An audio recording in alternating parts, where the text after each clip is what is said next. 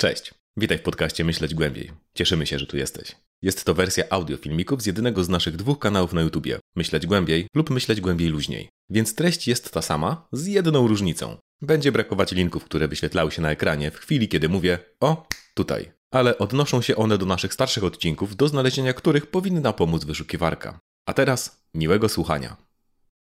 Zapewne słyszeliście o kontrowersjach wokół gry Hogwarts Legacy, jakiejś transfobii i może nie do końca wiecie o co chodzi.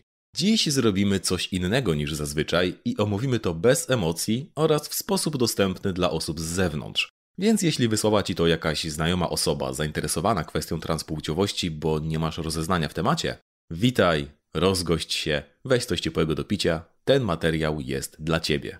Jeśli śledzisz te kwestie bliżej, to prawdopodobnie nie znajdziesz tu dla siebie wiele nowego, ale też zapraszamy z czymś ciepłym. To odcinek awaryjny, więc będzie bez wizualizacji. Ograniczymy też ilość humoru i ironii, bo chcemy, aby był możliwie przystępny dla wszystkich, w tym osób lubiących postać w centrum kontrowersji. W każdym razie, aktualnie toczy się bardzo burzliwa dyskusja dotycząca poglądów twórczyni świata gry J.K. Rowling i czy wspieranie jej finansowo czyni kupującego grę złym człowiekiem. Nie odpowiemy na to. Chcemy zająć się czymś innym. Na spokojnie wyjaśnić, jakie w tej historii są fakty. Chronologicznie. Chronologia jest cholernie ważna, bo w różnych czasach zarzuty wobec Rowling były stawiane z różnych przyczyn. I można wyróżnić w przybliżeniu trzy kluczowe momenty, które zmieniły wszystko. Nie pomaga też to, że temat wzbudza wiele emocji, często słusznych, przez co fakty bywają bagatelizowane lub odwrotnie rozdmuchiwane. Zwłaszcza, że duża część tej historii działa się na Twitterze, który nie jest miejscem na spokojne rozmowy. A niektóre osoby tam mają podejście bardzo, no, bardzo online i niedotykające trawy. Czyli wideo będzie bardziej faktograficzne niż opiniotwórcze. Od tego są inne kanały. Może się przez to niektórym z Was wydać zbyt pobłażliwe w wielu miejscach, ale jeśli chcemy przemówić do osób nieprzekonanych, to nie możemy wyjść od domniemania winy, ani też projektować tej winy na przeszłe działania. Duża część zamieszania bierze się też stąd, że dyskusja schodzi na kwestie polityczne, a rozmowa o polityce bez wyjaśnienia swojego stanowiska to przepis na katastrofę. Zatem wyjaśnijmy nasze. Obaj, pan S i pan N, czyli scenarzysta i narrator, jesteśmy osobami cispłciowymi i nie mamy w naszym najbliższym otoczeniu osób transpłciowych, a przynajmniej jawnie i tego pewnych. Nie potrzebujemy tego jednak, aby traktować mniejszości jak ludzi, więc pomówmy o zasadach w tym wideo. Przede wszystkim będzie bez wzbudzania gniewu, ale i bez fałszywego centryzmu. A do tego musimy wyjaśnić naszą ideologię. Każdy człowiek ma jakąś ideologię, czyli zestaw poglądów i wartości kształtujący ich stosunek do świata. Nie mówimy tu o ideologii w potocznym propagandowym znaczeniu jak ideologia gender, które przekłada się na kłamstwa, w które oni wierzą. Więc nawet osoby apolityczne ideologię mają. Po prostu jest ona domyślna dla ich społeczeństwa w czasie, kiedy dorastały, Aktualnie wiele kwestii jest przedmiotem sporu politycznego. Tak samo było też w historii. I teraz zabawne jest, że często mamy tendencję do patrzenia te 30 czy 40 lat w przeszłość i stwierdzania, że ci ludzie wtedy to byli chyba strasznie głupi, bo kłócili się o tak oczywiste rzeczy. To błąd poznawczy. Te rzeczy wydają nam się oczywiste, bo wychowaliśmy się w ideologii, w której zostały już przesądzone. Natomiast dzisiejsze problemy wydają nam się trudne, bo nadal trwa dyskusja polityczna nad nimi. Jednak jeśli spojrzymy na historię, to widzimy, że pewne kwestie są moralnie oczywiste mimo sporów politycznych. Niewolnictwo było złe, tymczasem USA stoczyło o nie najkrwawszą wojnę w swojej historii. Podobnie oczywistym było prawo głosu dla wszystkich, a potem, że do tych wszystkich powinniśmy zaliczyć również kobiety.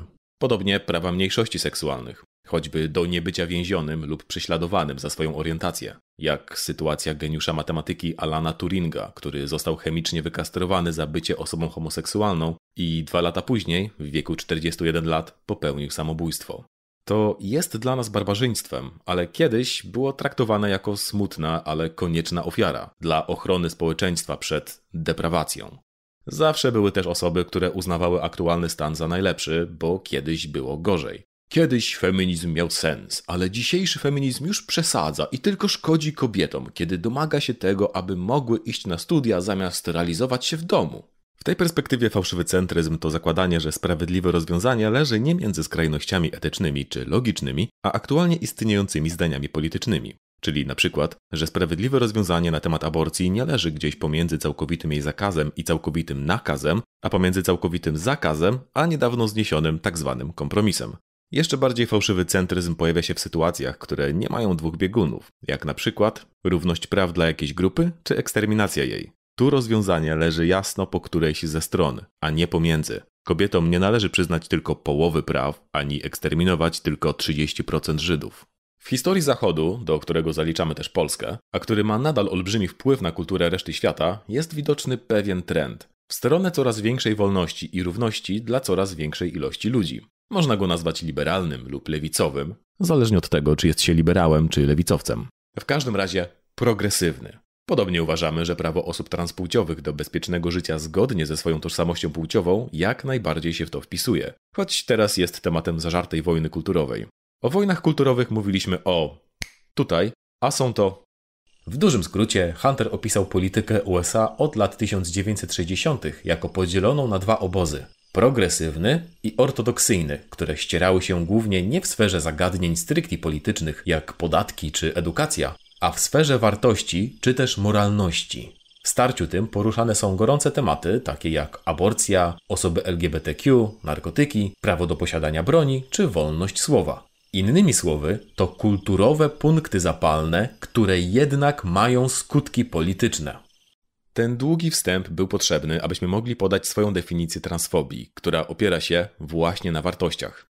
Najpierw słowo transfobia. Podobnie jak ksenofobia czy homofobia, nie oznacza lęku przed osobami transpłciowymi, a niechęć do nich czy dyskryminację. Tylko to prowadzi do dziwnych prób ustalania, jaka dyskryminacja jest w porządku, a jaka jest już transfobiczna. Dlatego spójrzmy bardziej filozoficznie na podstawy transfobii. A jest nimi uznanie, że dana osoba jest tej płci, która została jej przypisana przy urodzeniu, a nie tej, która wynika z jej tożsamości płciowej. Za każdym razem, kiedy mówimy tu o płci, mamy na myśli płeć kulturową, czyli gender. Wyjaśnimy przy końcu. Więc stanowisko nietransfobiczne jest proste. Transmężczyźni to mężczyźni, transkobiety to kobiety. Szybka piłka. Czy osoby transpłciowe zatem czymś różnią się od osób cispłciowych, czyli takich, które identyfikują się z płcią przypisaną im przy urodzeniu? No, tak, mamy trans i cis mężczyzn na tej samej zasadzie, jak mamy blond i rudych mężczyzn, czy włochatych i gładkich mężczyzn, dwudziestoletnich i czterdziestoletnich mężczyzn. Żaden z nich nie jest przez to esencjalnie mniej lub bardziej męski, choć mogą różnie pasować do różnych stereotypów. Całe wideo Transfobia w 7 minut możesz zobaczyć o, tutaj, może wydawać się radykalne, zwłaszcza jeśli transfobia kojarzy się komuś z agresją słowną czy fizyczną. O tym później, na razie wyjaśnijmy tylko, że określenie transfobiczne nie ma być dla nas obrazą, a opisem analitycznym, który dotyczy raczej praw czy wypowiedzi, a nie moralnego opisu danej osoby. Podobnie, jeśli mówimy, że coś jest rasistowskie, to nie mówimy tego jako synonim złe, tylko oparte na lub utwierdzające jakieś uprzedzenia rasowe. To podejście lewicowe.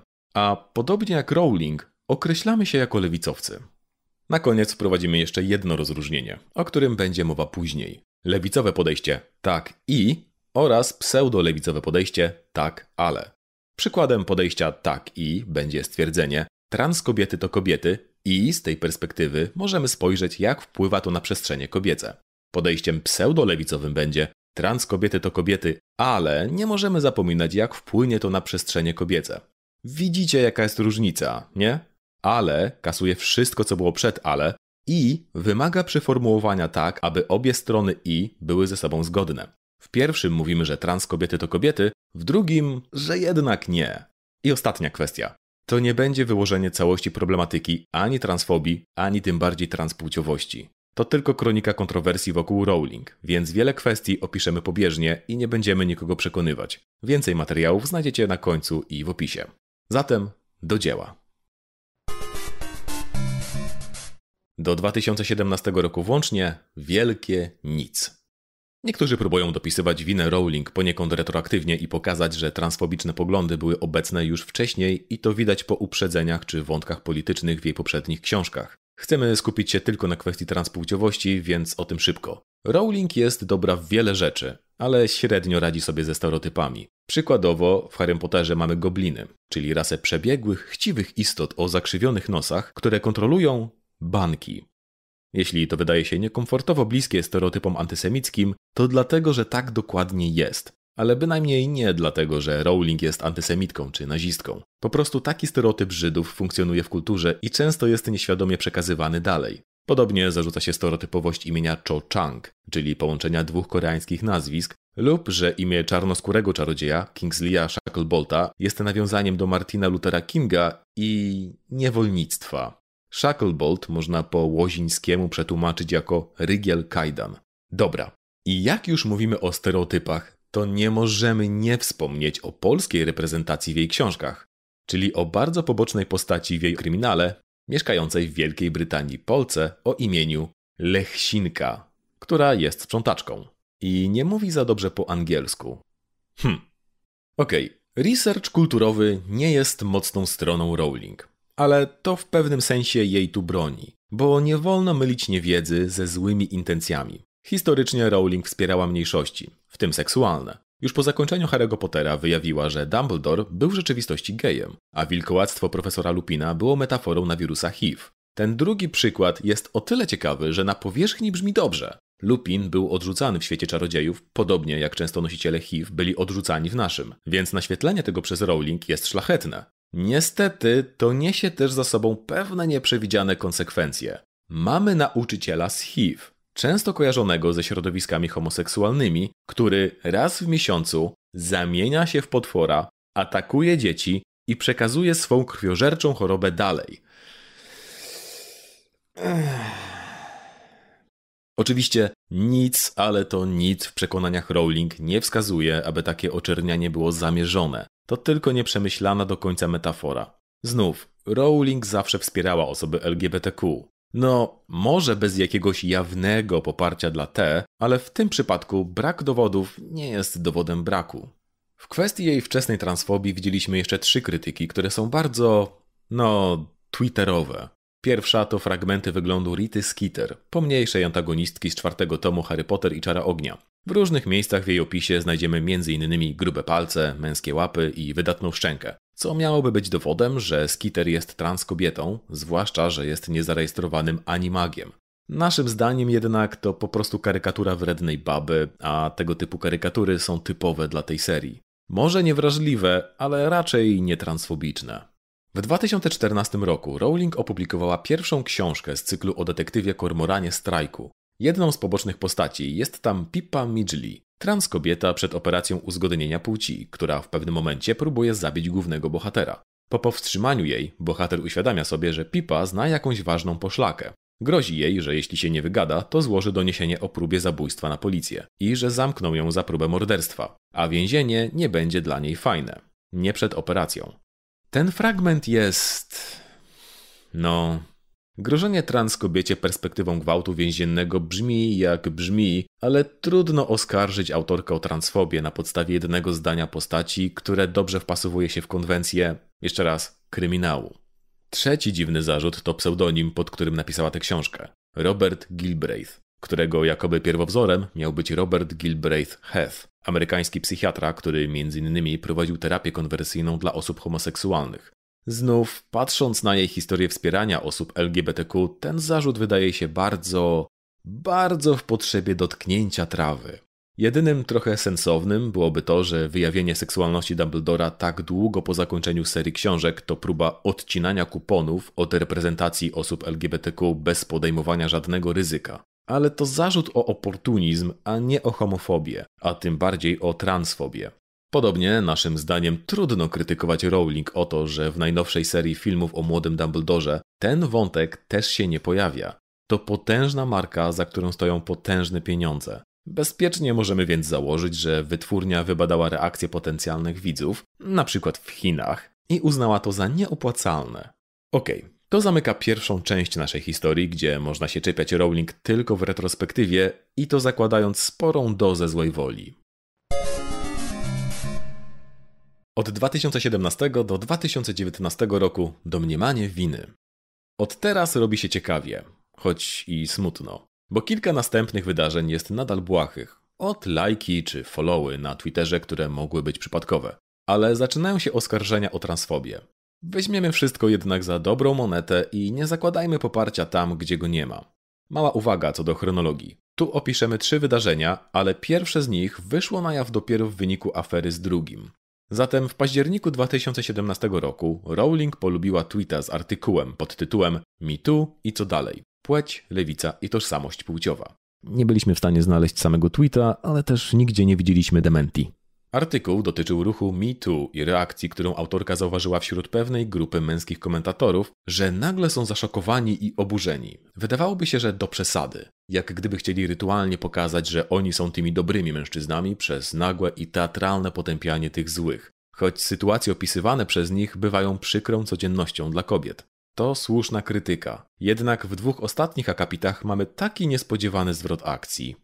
I właśnie w tym kontekście chciałabym zastanowić się, dlaczego tak wielu mężczyzn na lewicy odmawia przyjęcia do wiadomości obaw kobiet związanych z nowym prawem dotyczącym tożsamości płciowej, które umożliwi każdemu mężczyźnie dostęp do kobiecych przestrzeni bez względu na wygląd czy status hormonalny czy chirurgiczny. Czytałyście nasze bolesne historie, nasz powszechny okrzyk ja też. Więc powiedzcie nam, dlaczego nasze pragnienie zachowania swoich bezpiecznych przestrzeni i praw związanych z płcią jest dyskryminujące i nieracjonalne? Powiedzcie nam, jak powinniśmy ochoczo przebrać się obok nieznajomej osoby z penisem, jednocześnie skupiając się na tym, by nie sprawić jej dyskomfortu naszą przestraszoną mową ciała? Wyjaśnijcie nam, jak godzicie szkalowanie nas jako terwki i faszystki z szokiem nad tym, jak jesteśmy nieustannie traktowane przez osoby o męskich ciałach.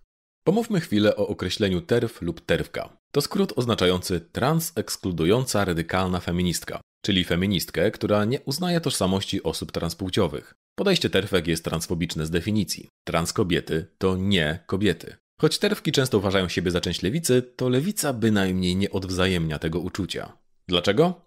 Chodzi o te różnice między tak i i tak, ale. Lewicowe podejście brzmiałoby: jesteśmy na słabszej pozycji. My, czyli zarówno cis kobiety z traumą, jak i trans kobiety. Owszem, nasza trauma to problem nie tylko indywidualny, ale również dla całego ruchu. I dlatego razem musimy wypracować rozwiązanie w duchu solidarności.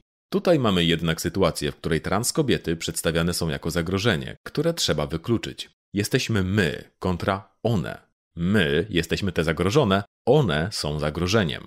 One nas zaatakują w naszych szatniach, więc niech lepiej pójdą do męskich. A że tam może je spotkać przemoc seksualna? To już ich sprawa, nie nasza. Pomijając transfobiczność, Lewicowym podejściem nigdy nie będzie rozwiązanie problemów grupy mniejszościowej przez pozostawienie osób słabszych samym sobie. Straszenie przemocą seksualną to w ogóle bardzo powszechna narracja, która nie ma poparcia w rzeczywistości, ale o tym później. Jeszcze jedna uwaga na temat słowa terwka. To słowo zazwyczaj jest wykorzystywane przez oponentów. Same te osoby określają się jako gender critical, czyli hmm, ruch krytycznie podchodzący do koncepcji płci kulturowej. Od tej pory będziemy używać tego zwrotu albo normalnie, albo jako skrót GC, bo jesteśmy tacy grzeczni i kochani. Ale ta historia wyszła na jaw dopiero później, konkretnie 21 marca 2018 roku, kiedy Rowling polajkowała inny wpis. Kiedy miałam 18 lat i na pierwszym spotkaniu partii pracy poprosiłam o zdjęcie ze ściany kalendarza z kobietami w bieliźnie, zakrzyczeli mnie mężczyźni. Kazali mi być głośniejszą, silniejszą, bardziej niezależną. Rzadko kiedy czułam wsparcie. Ci sojowi lewicowcy zamiast tego woleli wspierać mężczyzn w sukienkach. To mizoginia. Zwróciła na to uwagę transpłciowa dziennikarka Sean Fay, mówiąc Kultura trans jest wtedy, kiedy widzisz jak ukochana autorka twojego pokolenia daje lajka pod transfobicznym tweetem z konta trolla, który wielokrotnie nazywał cię mężczyzną. Osoba reprezentująca Rowling zareagowała od razu, mówiąc, że Obawiam się, że J.K. Rowling zaliczyła typową wpadkę osoby w średnim wieku. To nie pierwszy raz, kiedy polubiła coś tylko dlatego, że źle trzymała telefon.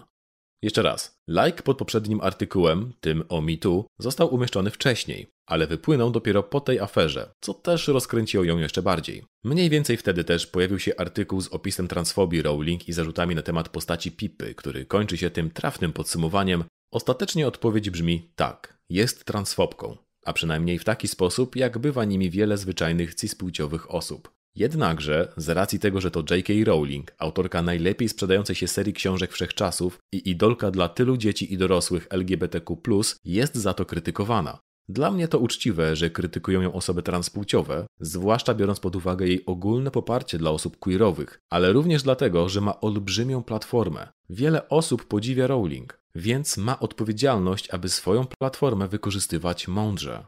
Później był względny spokój przez ponad rok, aż do kolejnej burzy, kiedy okazało się, że Rowling śledzi na Twitterze pewną transfobkę. Zresztą nie jedną. Tu post osoby, która przekopała się przez inne konta śledzone przez Rowling w tamtym czasie i znalazła kilkanaście o podobnych poglądach. Oraz, że Rowling nie śledziła żadnej organizacji protranspłciowej. Wymienione konta sprawdziliśmy i rzeczywiście nie są fajne. Drugiego zaś nie mamy jak sprawdzić. Dobrze. Tylko, co to znaczy?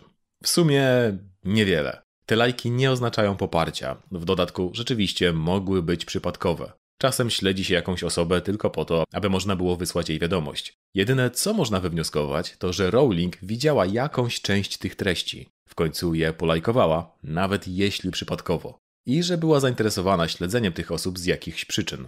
Więc można powiedzieć, że to wszystko to tylko domniemanie winy, a w dodatku winą są poglądy. No to dla wielu niefajne i smutne, że lubiona postać takie poglądy ma, ale ostatecznie ma też do nich prawo, bo wbrew prawicowym memom, lewica jako całość nie jest zainteresowana robieniem sądu nad czyimiś poglądami, tylko nad działaniami. Oczywiście są osoby, które lubią kręcić inby i które uważają inaczej, ale to nie nasz vibe. Nie zgadzamy się z nimi i wolimy wykorzystać naszą platformę lepiej. W każdym razie, Rowling znalazła się w ostrym ogniu krytyki, mimo tego, że ostatecznie nic nie zrobiła. Najgorsze, co się stało, to że część osób śledzących ją na Twitterze dostała któryś z tych dwóch tweetów jako polubiony przez nią.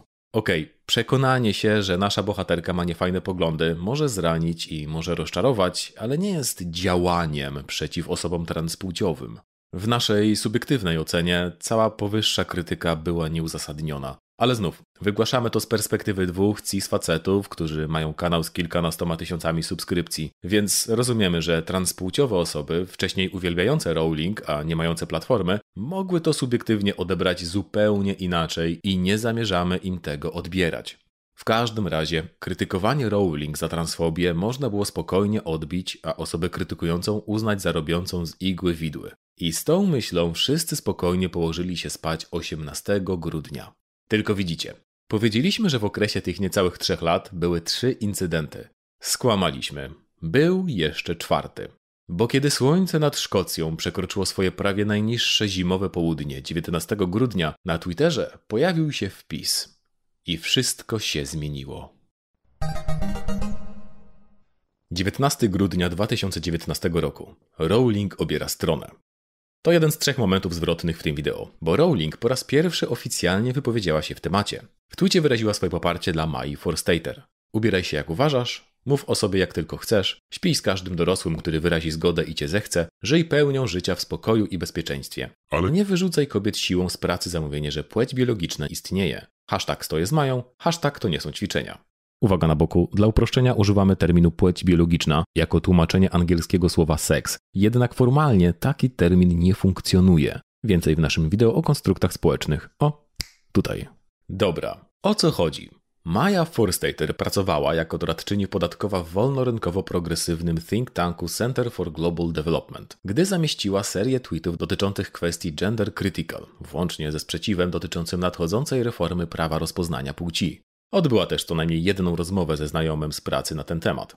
Kiedy te jej opinie wypłynęły na wierzch, jej kontrakt w pracy nie został przedłużony. Zaskarżyła tę sprawę przed Sądem Pracy Centralnego Londynu, twierdząc, że została naruszona jej wolność słowa, a te wypowiedzi powinny być chronione jako jej perspektywa filozoficzna, do której ma prawo. No dobra, ale o co chodzi bardziej? Rowling mówiła, że Forstater została wyrzucona za mówienie, że płeć biologiczna istnieje. Ale czy ten powód nie wydaje wam się być trochę naciągany? Cóż, tak się składa, że mieliśmy podobną sytuację w Polsce jakiś czas temu. Pracownik został zwolniony z IKEA tylko za to, że na wewnętrznym komunikatorze firmowym zamieszczał cytaty z Biblii, które uraziły osoby LGBTQ. Oczywiście cały obraz był nieco inny. Rzeczone cytaty dotyczyły tego, że osoby homoseksualne są obrzydliwością i że powinny zostać ukamieniowane. Wiecie, które to. Podobnie było z Forstater. Ale aby to zrozumieć, wyobraźmy sobie hipotetyczną scenkę. Jesteśmy w poczekalni do lekarza, obok nas siedzi matka z dwójką dzieci i rozmawiają po ukraińsku. Wchodzi pielęgniarka, przygląda się im, po czym mówi w powietrze: Tu jest Polska. Raczej nikt nie będzie się kłócić, że tu rzeczywiście jest Polska. Jednak to zdanie nie służy tylko stwierdzeniu tej oczywistości, a tak naprawdę było wymierzone w tę ukraińską rodzinę, aby przestała mówić w obcym języku. Nie podoba ci się to, idziesz do rejestracji, składasz skargę i słyszysz, że to nie pierwszy raz. Po miesiącu widzisz tweet. Pielęgniarka wyrzucona z pracy za stwierdzenie, że żyje w Polsce. Hashtag okupacja, hashtag ukropolin, hashtag żeby Polska. Po pierwsze, i pielęgniarka, i Forstater mówiły coś innego. Żadna organizacja w środowisku transpłciowym nie uważa, że płeć biologiczna nie istnieje, a same osoby transpłciowe, cóż, przypominane im jest to cały czas. Jakby dosłownie na tym polega problem z transpłciowością na niezgodności płci biologicznej z tożsamością płciową. Gdyby organizacje transpłciowe rzeczywiście głosiły, że płeć biologiczna nie istnieje, to nie miałyby chyba za wiele do roboty. Wystarczyłoby tylko zmienić dowód i cyk, sprawa załatwiona. Pora na CSA. Dlatego bycie karanym za twierdzenie, że płeć biologiczna istnieje, to wielki chochoł, powszechnie używany w kręgach gender critical, ale i coś jeszcze. To coś jeszcze to tak zwana polityka psich gwizdków. Podobnie jak ultradźwiękowy gwizdek słyszą tylko psy, a nie ludzie, tak samo w polityce funkcjonują pewne zdania, które dla osób postronnych brzmią neutralnie, a tylko adresaci wiedzą o co chodzi. Mamy o tym całe wideo, o tutaj, ale mamy też ciekawy przykład. W grze Disco Elysium prowadzisz śledztwo w alternatywnym świecie, we francuskojęzycznym kraju Revachol, zamieszkanym głównie przez białych. Główny bohater jest biały, a towarzyszy mu Kim, który jest imigrantem któregoś pokolenia urodzonym już tutaj, ale o rysach wyraźnie azjatyckich. W pewnym momencie tirowiec wita Kima stwierdzeniem Dzień dobry, witamy w Revachol, na co ten reaguje zmęczoną irytacją, którą szybko przykrywa. Jeśli postanowimy się dopytać, dlaczego Kim był taki niemiły, to w końcu wyjaśni, że witamy w Rewaszol to właśnie psi gwizdek jawnie wykorzystywany przez rewaszolskich rasistów. Ma przypominać osobom niebiałym, że nie są prawdziwymi obywatelami, a osoba mówiąca to zawsze może się wycofać, że pomylił tę osobę z turystą, co brzmi wystarczająco niewinnie dla osób postronnych a mniejszości etniczne mogą się przyzwyczaić do wysłuchiwania witamy w Rewaszol i za każdym razem dostają przypomnienie, że nie są prawdziwymi kobietami, pardon, rewaszolianami. Podobnie wygląda tak zwany misgendering, czyli zwracanie się do osoby transpłciowej w sposób niezgodny z jej tożsamością płciową. Oczywiście każdemu może się wymsknąć, ale jest też misgendering celowy, który często jest traktowany jako prześladowanie lub mobbing. Osoby gender critical lubią poruszać kwestie wolności słowa, że przecież mówią tylko swoją opinię. Tylko widzicie, zarówno w przykładzie z Ukrainką, jak i z rewaszolskim tirowcem, jak i w sprawie Forstater, dochodzi jeszcze kwestia celu wiadomości. Hipotetyczna pielęgniarka chciała uciszyć Ukrainkę. Tirowiec chciał przypomnieć Kimowi, że to tylko kraj dla białych, a Forstater przypomnieć, że osoba transpłciowa taka nie jest. W uzasadnieniu wyroku czytamy m.in. Powódka ma absolutystyczne podejście do kwestii płci biologicznej i kluczowym elementem jej przekonań jest odnoszenie się do osób używających płci, której uzna za stosowną, nawet jeśli narusza to godność tych osób i lub stworzy atmosferę zagrożenia, wrogości, poniżenia, upokorzenia lub obraźliwości. Takie podejście nie zasługuje na szacunek w społeczeństwie demokratycznym. Czyli to nie były tylko jej poglądy trzymane w głębi duszy, a coś, co mówiła wobec osób transpłciowych i niebinarnych. I nie było parokrotne, a trwało miesiącami. Forstater sama opisuje kilka wątków na ten temat, które wrzuciła na Twittera, bo poprzednich nikt nie zauważył. O rany, widzicie jakie to pokrętne. Wyjaśnienie tego jednego zdania zajęło mi z 7 minut, ale dobra, to już za nami odklepane. Wróćmy więc do Rowling. Gdyby chodziło tylko o to, że po raz pierwszy Rowling oficjalnie ustosunkowała się publicznie do kwestii gender critical i potwierdziła podejrzenia wobec siebie, nie byłoby tak źle. Jednak znacznie gorszy jest język, którego użyła i którego będzie używać od teraz. Pozornie grzeczny, ale też emocjonalny i agresywny. Wyrzucanie kobiet z pracy za mówienie, że płeć biologiczna istnieje. To już taki język TVP, choćby przez dezinterpretację, użycie liczby mnogiej i tworzenie atmosfery strachu. W każdym razie to był moment, kiedy Rowling oficjalnie weszła do ringu i jej stanowisko stało się jasne. A potem nadszedł rok 2020, kiedy napisała więcej. Znacznie więcej. Tyle napisała. Wszystko napisała. Rok 2020. Menstruacja i manifest transfobiczny. W 2020 wszyscy byliśmy zajęci. No, wiadomo czym. Rowling też.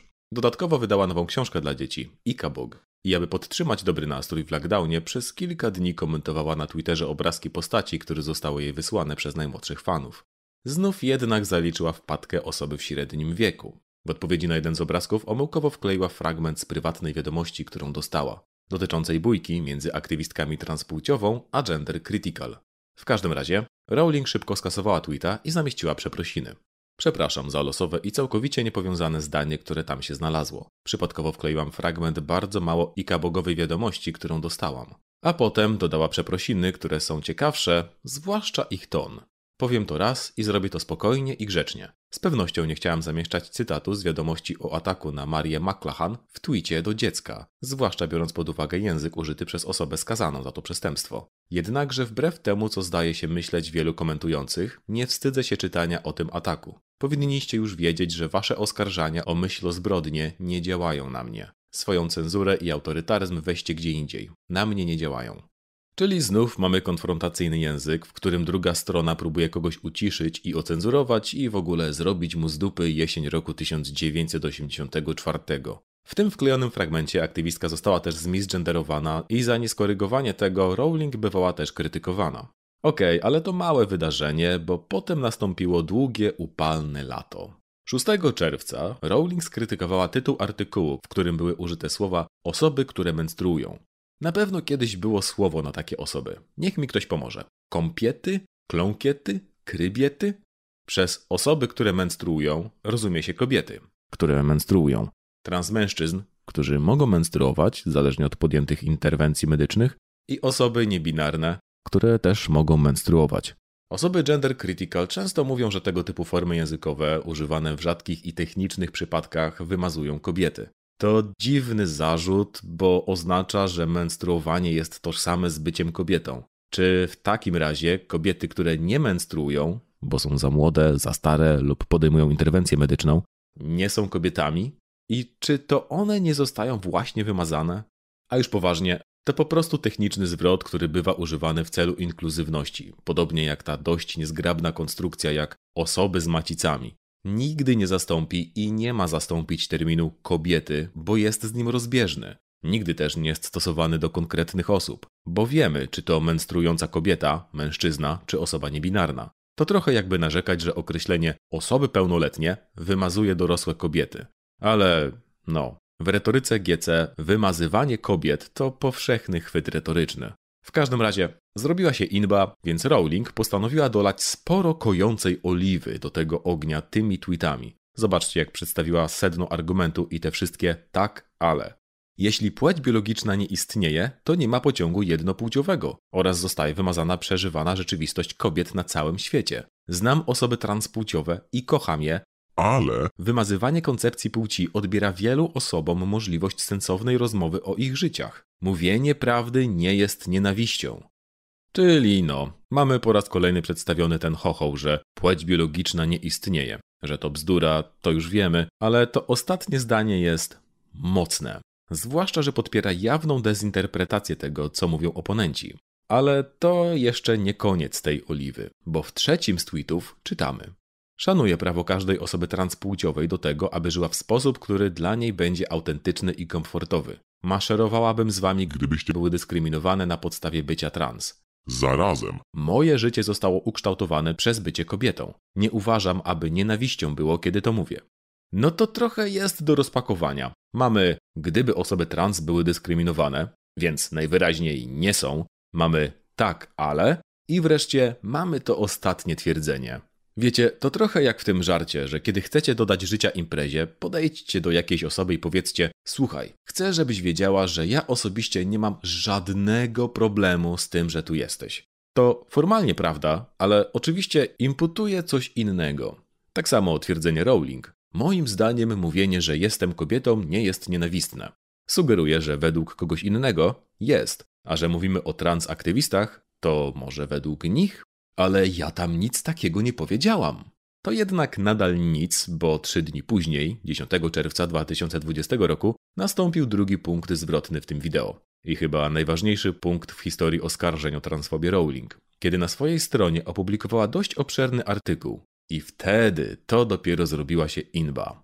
Sam artykuł jest tak długi i pełen niedomówień, że prostowaniu go można by poświęcić co najmniej całe wideo. Dlatego streścimy go i odniesiemy się tylko do kilku kwestii. Po pierwsze, Język. To zaskakująca mieszanka. Jedna trzecia pokojowego twierdzenia, że dba o dobro osób transpłciowych, jedna trzecia agresywnego kreowania się na buntowniczkę, którą transaktywiści chcą zastraszyć, albo i gorzej, a jedna trzecia osobistej historii. A przede wszystkim mówienie o prawdzie, którą to nauka, czy politycy, czy translobby, czy ktoś chce ukryć. A przez to zagraża zarówno cis kobietom, jak osobom transpłciowym, jak i cis kobietom oraz cis kobietom i cis dziewczynką wraz z, nie zapominajmy, cis kobietami. Bo widzicie, ten język jest umiejętnie dobrany. To nie są oskarżenia albo nienawiść, to tylko ochrona, stawianie pytań i wyrażanie swojego niepokoju. Przynajmniej na poziomie formy, bo na poziomie treści mamy już dyskryminację na całego. Rowling pisze, że interesowała się tematem transpłciowości na dwa lata przed sprawą Mai, czyli od około 2017 roku, z powodów zawodowych jako pisarka i osobistych. Wspomina w oskarżającym tonie, że czytała mnóstwo źródeł z obu stron, ale polajkowała przypadkiem tylko jedną z nich, przez co wylała się na nią tona hejtu. To nie wydaje się zgadzać. Według tego, co mówiliśmy wcześniej, bo, przynajmniej na Twitterze, nie śledziła żadnych stron ani organizacji pro-trans. Podobny hejt spotkał ją za śledzenie wspomnianej wcześniej Magdalen Burns, co zrobiła w celu wysłania wiadomości prywatnej. Rowling opisuje Burns tak. Magdalen była niewiarygodnie odważną młodą feministką i lesbijką, która umierała na agresywnego raka mózgu. Tylko dlatego, że Magdalen bardzo wierzyła w to, jak ważna jest płeć biologiczna i nie uważała, że lesbijki należy nazywać uprzedzonymi tylko dlatego, że nie chcą umawiać się z trans kobietami, które mają penisy. Twitterowi aktywiści połączyli kropki i poziom hejtu wobec mnie wzrósł. I teraz, kiedy wcześniej mówiliśmy o twitterowej aktywności Rowling, to nie wysnuwaliśmy żadnych wniosków. Śledziła, to śledziła, lajkowała, to lajkowała. Po kij drążyć temat. Zapewne znała te konta, ale nie można stwierdzić, w czym się z nimi zgadzała. Tu mamy jednak inną sytuację. Rowling wystawia laurkę Burns i twierdzi, że ta nie zasłużyła na krytykę, której doświadczyła. Jednak w rzeczywistości Burns nie była miłą osobą jej nastawienie antytrans było jasne zarówno na YouTubie, jak i na Twitterze. Jej najsławniejszy, czy też najbardziej niesławny tweet brzmi następująco. Z góry przepraszamy za bardzo niemyślogłębny język. Bo jesteście kur... pastiszami. Nie jesteście kobietami, tylko facetami, którzy czerpią seksualną podjarkę z tego, że traktuje się was jak kobiety. Je was i wasze obleśne pier...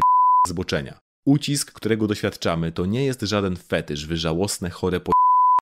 Mamy też fragment podobny do wcześniejszego mówienia prawdy. Burns stwierdziła, że to w porządku, jeśli lesbijki nie chcą umawiać się z trans kobietami, które mają penisy. Tylko Burns wcale nie uważała ich za kobiety. Cytując jej odpowiedź do trans youtuberki Riley J. Dennis, jeśli jesteś kobietą, która lubi tylko kobiety, to śmiało, identyfikuj się jako lesbijka. Ale niektóre kobiety mają penisy. Żadne no kobiety nie mają penisów, Riley. Żadne. No Ani jedna. A jeśli czujesz się urażona tym, że niektórym lesbijkom mogą podobać się te kobiety, to dlatego, że nie uważasz, że trans kobiety to prawdziwe kobiety. Tak, dokładnie tak. Nie uważam, że trans kobiety to kobiety. Więc możemy założyć, że Rowling nieco wybielała tę postać. Co więcej, ten fragment mówi coś dokładnie odwrotnego niż to, co sugerowała Rowling. Zdaniem Burns lesbijki nie mogą nazywać się lesbijkami, jeśli umawiają się z trans kobietami. Niestety tak będzie częściej w tym eseju, więc pominiemy wiele innych przypadków. W każdym razie, Rowling kontynuowała, że po wypowiedzeniu się w sprawie Mai Forstater dostała setki wiadomości poparcia, że wreszcie zwalcza klimat strachu, który nie pomaga nikomu, zwłaszcza młodym osobom transpłciowym, o które rzekomo się troszczy. Później omawia zagrożenia płynące z tego, że została nazwana terwką, włącznie z tym, że wiele organizacji i osób odsunęło się od niej z lęku przed oskarżeniami o transfobię. I winą obarcza tutaj transaktywistów, którzy jakimś cudem mają tak olbrzymią władzę. Wkrótce zobaczymy, jak to ma się do konsensusu. Później jednak przechodzi do pięciu głównych zarzutów. Pierwszy to, że transaktywiści chcą zastąpić płeć biologiczną płcią opartą na samoidentyfikacji, co wpłynęłoby na sponsorowane przez nią badania nad stwardnieniem rozsianym oraz na bezpieczeństwie kobiet w więzieniach i schroniskach dla ofiar przemocy domowej. Omówmy pokrótce te więzienia, bo akurat Rowling zapewne miała dostęp do tych danych, bo pojawiły się nieco przed jej esejem. Mamy zapytanie poselskie z 2020 o ilość ataków na tle seksualnym w więzieniach kobiecych. Od 2010 roku odnotowano 122 takie przypadki, z czego w pięciu przypadkach sprawczyniami były osoby transpłciowe. Inny raport, cytowany przez BBC, Podaje liczbę 124 przypadków, z czego 7 dokonanych przez osoby transpłciowe. Dla porównania, w samym 2019 roku 11 trans kobiet było ofiarami przemocy seksualnej w więzieniach. Czyli są sprawczyniami co 1-2 lata, a ofiarami średnio co miesiąc. Widzicie te dysproporcje, prawda? To motyw, który pojawi się jeszcze kilkukrotnie. Drugi to, że jest byłą nauczycielką i boi się tego, jak tranzycja wpłynie na dzieci. Rozwinie to później. Trzeci to, że musi bronić wolności słowa. To omówiliśmy chyba wystarczająco dobrze wcześniej. Czwarty zasługuje na więcej uwagi. Rowling wyraża zaniepokojenie tym, że coraz więcej młodych kobiet i dziewczyn decyduje się na tranzycję i że może to zagrozić ich potencjalnej płodności, gdyby postanowiły potem zmienić zdanie i dokonać detranzycji, co też ma miejsce znacznie wcześniej. A dodatkowo dysforia często przechodzi z wiekiem. Okej, okay. i jak staramy się unikać osądzających słów, tak ten argument i sposób jego przedstawienia nie możemy opisać inaczej niż jako podłe. Przede wszystkim, Zabieg tranzycji lub jakiejkolwiek afirmacji, choćby przyjęcia blokerów dojrzewania, niejednokrotnie jest zabiegiem ratującym życie. Bo przy wszystkim, co mówi się, że te osoby powinny podejmować decyzje jako osoby dorosłe, trzeba najpierw założyć, że te osoby dożyją dorosłości, a nie, że wezmą sprawy we własne ręce. I wiecie, postanowią, że nie chcą jej dożyć. Badanie za badaniem, za badaniem pokazuje, że najwięcej pomaga tranzycja oraz życzliwe środowisko. Pomijanie tej kwestii, aby skupić się na możliwej utracie płodności, to trochę jakby zwracać uwagę na problem osób, które po przeżyciu wypadku samochodowego doświadczają kontuzji z powodu pasów bezpieczeństwa. To pomijanie kwestii, że te osoby najprawdopodobniej dzięki pasom żyją, ale jakaś część osób przeżyła wypadek mimo niezapięcia pasów. Więc czy na pewno chcemy wystawiać się na ryzyko obrażeń możliwe, że do końca życia? Czy pas aktywiści są gotowi poświęcić te osoby w imię swojej ideologii? To oczywiście okrutne odwrócenie odpowiedzialności, bo większą krzywdę wyrządza właśnie brak pasów i brak tranzycji, nad czym jednak Rowling przechodzi do porządku dziennego. Ale Rowling ma na to kwity, badania. Cytując słowa psychoterapeuty Markusa Evansa, Ryzyko samobójstw wśród dzieci, którym nie pozwala się na tranzycję, nie odpowiada w żaden znaczący sposób konkretnym danym lub badaniom w tej sferze, ani przypadkom, z którymi spotkałem się w trakcie dekad pracy jako psychoterapeuta. Wagi tym słowom dodaje fakt, że autor pracował w Tavistock Center, narodowej placówce zajmującej się dysforią płci, a odejmuje, że artykuł został opublikowany w prawicowo-libertariańskim czasopiśmie Quillette. Zapamiętajcie to. Tavistock Center, bo wróci jeszcze kilkukrotnie. Kolejną kwestią, którą porusza Rowling, jest ryzyko nacisków społecznych, czyli tzw. Tak rapid onset gender dysphoria, nagłej dysforii płciowej. Powołuje się to na Lisa Littman i jej badanie, w którym. Dobra, wiecie co? Ono nie ma poparcia w niczym, ale to w niczym i nie mamy siły przedstawiać go jako rzetelne. Mamy nadal traumę do udawanej nauki po latach aktywizmu klimatycznego i tego, co wymyślali sobie negacjoniści średnio raz na miesiąc. Zamiast tego zacytujemy aktywistkę na rzecz osób transpłciowych, Maję Heban, która podsumowała to genialnie na Twitterze. ROGD odkryto, kiedy transfobiczna badaczka postanowiła wypytać transfobicznych rodziców obecnych na transfobicznych stronach, kiedy pojawiły się oznaki transpłciowości u ich transpłciowych dzieci, których to transpłciowość ci rodzice odrzucali jako fanaberię, dodajmy. Nie dziwi więc, że odpowiedzieli, że gadka o transpłciowości zaczęła się, kiedy kochane córeczki spotkały innych transnastolatków. Następny segment jest chyba najbardziej ciekawy. To, co piszą transmężczyźni, rysuje obraz bardzo wrażliwych i mądrych osób. Im więcej czytam ich historii o dysforii płciowej, w tym opisów niepokoju, dysocjacji, samookaleczenia i nienawiści do siebie, tym bardziej się zastanawiam, czy gdybym narodziła się 30 lat później, sama nie próbowałabym dokonać tranzycji. Tu słyszeliśmy argumenty, że może sama Rowling miała niezdiagnozowaną dysforię, którą wyparła i to objawia się jako walka z osobami transpłciowymi. Podobnie jak znaleziono wyparty pociąg homoseksualny u głośnych homofobów. To wydaje się być jednak za daleko posuniętą interpretacją kogoś, kogo znamy tylko z pojedynczych wypowiedzi. Ale dalej robi się bardziej interesująco. Na swoje szczęście znalazłam poczucie inności i dwuznaczności bycia kobietą w dziełach pisarek i piosenkarek, które zapewniły mnie, że na przekór wszystkiemu, co seksistowski świat próbuje narzucić osobom o ciałach kobiecych, to w porządku, że we własnej głowie nie czujesz się różowo, falbankowo i potulnie. To w porządku, że czujesz się zagubiona, mroczna, zarazem płciowa i bezpłciowa oraz niepewna tego, czym lub kim jesteś. To w porządku, kiedy nie czujesz się różowo. Widzicie, Rowling nie cierpi z racji tego, że nie mogła stać się mężczyzną, a jest dumna z tego, że odnalazła swój ambiwalentny sposób bycia kobietą pomimo tych sztywnych ról płciowych. I to wydaje nam się lepszą analizą, że Rowling chce uchronić cis dziewczynki przed dokonywaniem tranzycji tylko po to, aby wyłamać się ze sztywnych ról płciowych. Tyle, że ona sama przeszła dojrzewanie na początku lat 80., czyli 40 lat temu. Te role od dawna takie już nie są. Dziewczynki i chłopcy mogą wyrażać się na znacznie więcej sposobów bez konieczności tranzycji. Następnie Rowling opisuje swoje wątpliwości co do tego, że aktualnie tranzycja odbywa się za szybko, że potrzebujemy więcej badań i lepszych procedur. To znów argument, który na wierzchu może brzmieć rozsądnie i może wydawać się, że bierze się z troski o osoby transpłciowe. Jednak biorąc pod uwagę jej ciągłe poruszanie kwestii naukowych w tym eseju, to widzimy, że mamy stary, wyświechtany, sceptyczny argument. Ale czy na pewno wiemy, że X to jest bezpieczne? Czy na pewno do końca przebadaliśmy pasy bezpieczeństwa? A jeśli nie, to dlaczego chcemy powierzać im swoje życie?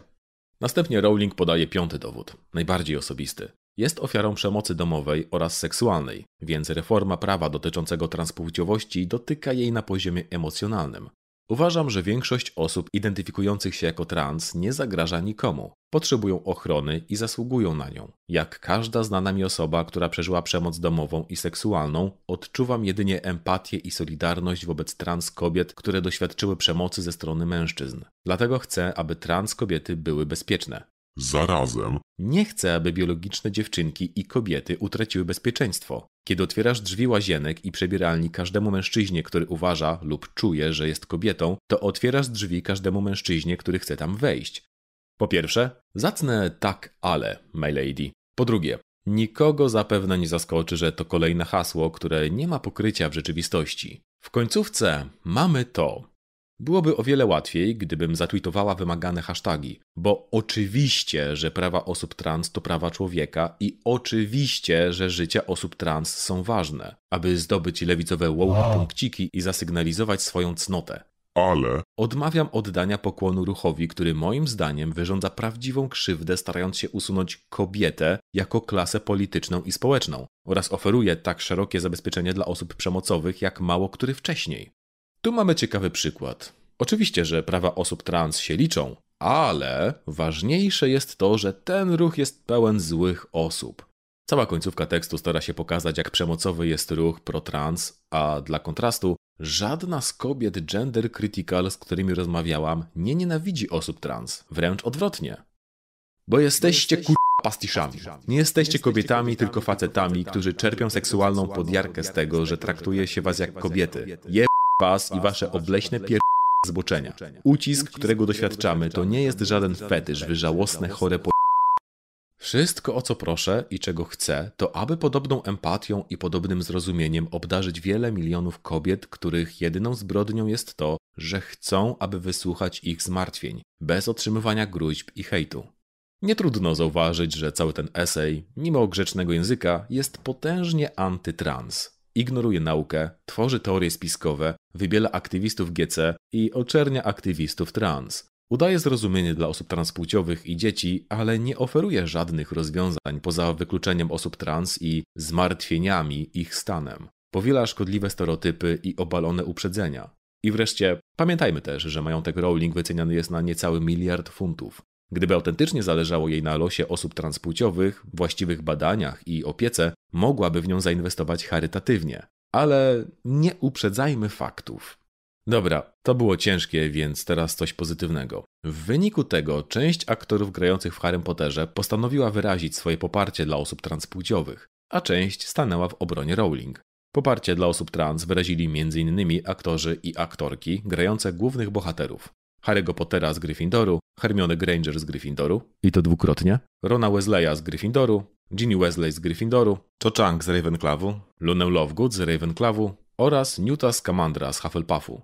To akurat nic dziwnego, skoro wcześniej ten aktor, Eddie Redmayne, w filmie Duńska dziewczyna, wcielił się w postać Lily Elbe, jednej z pierwszych trans kobiet, które przeszły operację chirurgicznego uzgodnienia płci. Okej, przyznajcie chyba, to trochę zabawne, że wszystkie z tych postaci były z tych szlachetnych domów. Ale żeby nie było, po stronie Rowling ustawił się też inny sławny z ekranowych gryfonów, mianowicie Hagrid, jak również aktorzy grający Draco Malfoya ze Slytherinu, Beatrix Lestrange ze Slytherinu oraz wisienka na torcie Lorda Voldemorta, oczywiście też ze Slytherinu. W tym musi być jakaś poetycka, kosmiczna ironia. Najwyraźniej Tiara Przedziału mówi trans rights. Dobra, wróćmy do historii. Bo mam nadzieję, że jesteście gotowi na więcej historii. Mówiłem, że to lato będzie długie. Niecały miesiąc później Rowling stworzyła wątek na Twitterze, w którym porównała sytuację ze zbyt pochopnym przepisywaniem tranzycji do zbyt pochopnego przepisywania antydepresantów. Jedno i drugie może być dobre, mówiła, ale w odpowiedniej ilości, a jej zdaniem w przypadku tranzycji jest przesada, bo ponieważ tak. No dobrze, znów powołuje się na źródła Stavistock Center, jakoby między innymi wiele tranzycji tam było motywowanych homofobią, do tego stopnia, że Rowling określa tranzycję mianem nowej terapii konwersyjnej. I tu się zatrzymajmy. Terapia konwersyjna to dawna pseudonaukowa terapia mająca wyleczyć osoby z homoseksualizmu, która jest słusznie potępiana, do tego stopnia, że została zakwalifikowana jako tortura. Tylko język, którego używa tutaj Rowling, jest trochę dziwny. Jej zdaniem przepisywanie hormonów osoby transpłciowej powinno być ostatnią deską ratunku. Wcześniej osoba transpłciowa powinna być poddana terapii, aby ją z tej transpłciowości potencjalnie, no, e, wyleczyć? Widzicie, leczenie gejów jest złe, bo oni wiedzą, że są gejami, a nie na przykład, jak to mówiono kiedyś, tęsknią za miłością ojcowską i jako geje będą głęboko nieszczęśliwi. Natomiast osoby transpłciowe, nawet jeśli wiedzą, że są transpłciowe, to może jednak nie wiedzą i lepiej jest tej niewiedzy wyleczyć, bo może tylko uciekają przed homofobią i jako osoby transpłciowe będą głęboko nieszczęśliwe? No, totalnie inna sytuacja. Tak, to jest trochę podwójny standard, ale można zawsze obronić go w ten sposób, że tranzycja chirurgiczna czy hormonalna jest mocną ingerencją w ciało, zwłaszcza w przypadku młodych osób. Niestety, młode osoby odczuwają często presję czasu, bo kiedy przejdą przez dojrzewanie płciowe w sposób, który jest niezgodny z ich tożsamością, dokonają się nieodwracalne zmiany w ich ciałach, które będą wymagały potężnych inwestycji chirurgicznych, jak na przykład operacja strun głosowych po mutacji. Więc i tak źle, i tak niedobrze. Na szczęście jest droga środka, czyli blokery dojrzewania o łagodnych skutkach ubocznych, dzięki którym można przedłużyć terapię i upewnić się, że rzeczywiście młoda osoba transpłciowa będzie się czuła dobrze w swoim ciele. Brzmi to jak kompromis, który byłby w stanie pogodzić wszystkich, poza najbardziej skrajnymi aktywistami pro i antytrans. I domyślacie się, dlaczego o tym mówimy, prawda? Tak, w dziesiątym twicie Rowling wypowiada się przeciwko blokerom hormonów, bazując na wypowiedzi jednego lekarza dla konserwatywnego czasopisma The Times. Wypowiedź sprowadza się do tego, że przeprowadzamy wielki eksperyment, bo nie mamy pewnych danych. I teraz, Twierdzenia Rowling na temat antydepresantów mogły zostać rozdmuchane, bo w zasadzie stwierdzenie, że bywają przepisywane zbyt często zamiast terapii, nie powinno być kontrowersyjne. Owszem, należy zapytać, dlaczego tak jest oraz czy antydepresanty są aby skrótem leniwych lekarzy, czy może jednak plasterkiem na niedomagający system ochrony zdrowia psychicznego ze zbyt małą ilością terapeutów? Jednak ten wątek jest o osobach trans i choć wydaje się, że Rowling zadaje podobne pytania w kwestii opieki medycznej dla nich, to przy okazji skreśla wszystkie możliwe rozwiązania. Pozostaje tylko potępienie dla złego systemu i jej zmartwienia, i że za szybko transujemy dzieci jej zmartwienia. Ten segment jest już długi, a dopiero wchodzimy w sierpień, czyli nadal mamy lato. Lato, lato, lato wszędzie i Fundacji Kennedy'ego. Oświadczenie. W każdym razie, 3 sierpnia Kerry Kennedy, prezes Fundacji Praw Człowieka imienia Roberta F. Kennedy'ego, wydał oświadczenie. Dlaczego? Bo ta fundacja rok wcześniej przyznała Rowling nagrodę za jej pracę charytatywną, konkretnie za fundację Lumos na rzecz osieroconych dzieci. W tym oświadczeniu Kennedy krytykuje twierdzenia Rowling z tego lata. Wspomina o rozmowach z nią na ten temat, z których wywnioskował, że według niej płeć biologiczna przypisana przy narodzinach jest głównym i determinującym czynnikiem płci danej osoby, niezależnie od jej tożsamości płciowej, co jest stanowiskiem, które kategorycznie odrzucam. Następnie zaznacza, że jako fundacja odcinają się od działań Rowling. Prawa trans to prawa człowieka. Ataki J.K. Rowling na społeczność osób transpłciowych stoją w sprzeczności z podstawowymi przekonaniami i wartościami naszej fundacji i stanowią zerwanie z wizją mojego ojca. Prawa kobiet nie tracą niczego na uznaniu praw osób trans. Wręcz przeciwnie. Walka o prawa człowieka to również walka z dyskryminacją w każdej postaci. Swoją drogą, spójrzmy wstecz i doceńmy, jak szybko to się stało. Rowling otrzymała tę nagrodę w grudniu zeszłego roku, raptem 9 miesięcy wcześniej, kiedy, jak to powiedzieliśmy wcześniej w wideo, Krytykowanie Rowling za transfobię można było spokojnie odbić, a osobę krytykującą uznać za robiącą z igły widły. Robert F. Kennedy był osobistym bohaterem Rowling. Być może dlatego już na drugi dzień opublikowała swoje stanowisko. Potwierdziła w nim swoje oddanie kwestii praw kobiet, organizacji LGBT oraz osób trans oraz przyznała, że stanowisko fundacji głęboko ją zasmuciło, ale też poczuła się zmuszona do przyjrzenia się swoim poglądom jeszcze raz i bardziej krytycznie, bo zauważyła, że coraz więcej osób się z nią nie zgadza. A potem przeprosiła osobę trans, wszyscy żyli długo i szczęśliwie, a przynajmniej tak można na to patrzeć, aby myśleć trochę głębiej. Szerujcie i lajkujcie. Nie, nie, nie! Oczywiście, że tak nie było! Rowling potwierdziła, że nie jest transfobką i że dostała poparcie od tysięcy kobiet, których prawa są zagrożone. Swoje słowa podparła też stanowiskiem nowo powstałej organizacji Society for Evidence-Based Gender Medicine, założonej przez setkę pracowników medycznych. Jakby nie wiemy ile osób pracuje w świecie w służbie zdrowia, ale pewnie znacznie więcej niż tysiąc, więc to pewnie spora część z nich, nie? Dobra, sorki za humor. SEGM nie jest w żaden sposób traktowane poważnie poza światem antytrans, a tym bardziej w środowisku medycznym czy naukowym. Koniec końców, jedyną możliwością, jaka pozostała Rowling, jest zwrócenie nagrody.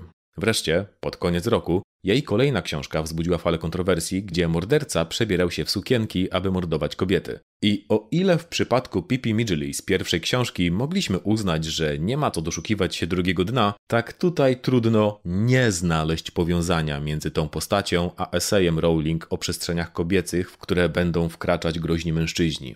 Dobra, podsumowując rok 2020 w jej działalności osiągnęła apogeum swoich poglądów. W sensie powiedziała co miała i nie pozostawiła wątpliwości. O ile wcześniej bronienie Rowling przed zarzutami o transfobię było względnie łatwe, tak od teraz wymaga potężnego przedefiniowania, czyli politycznej przepychanki. Jaka jest możliwa grubość rózgi do bicia transpłciowego dziecka, od której mamy do czynienia z transfobią? Niestety, to, że Rowling osiągnęła apogeum poglądów, nie znaczy jeszcze, że osiągnęła apogeum radykalizacji. Ale najpierw zróbmy coś innego.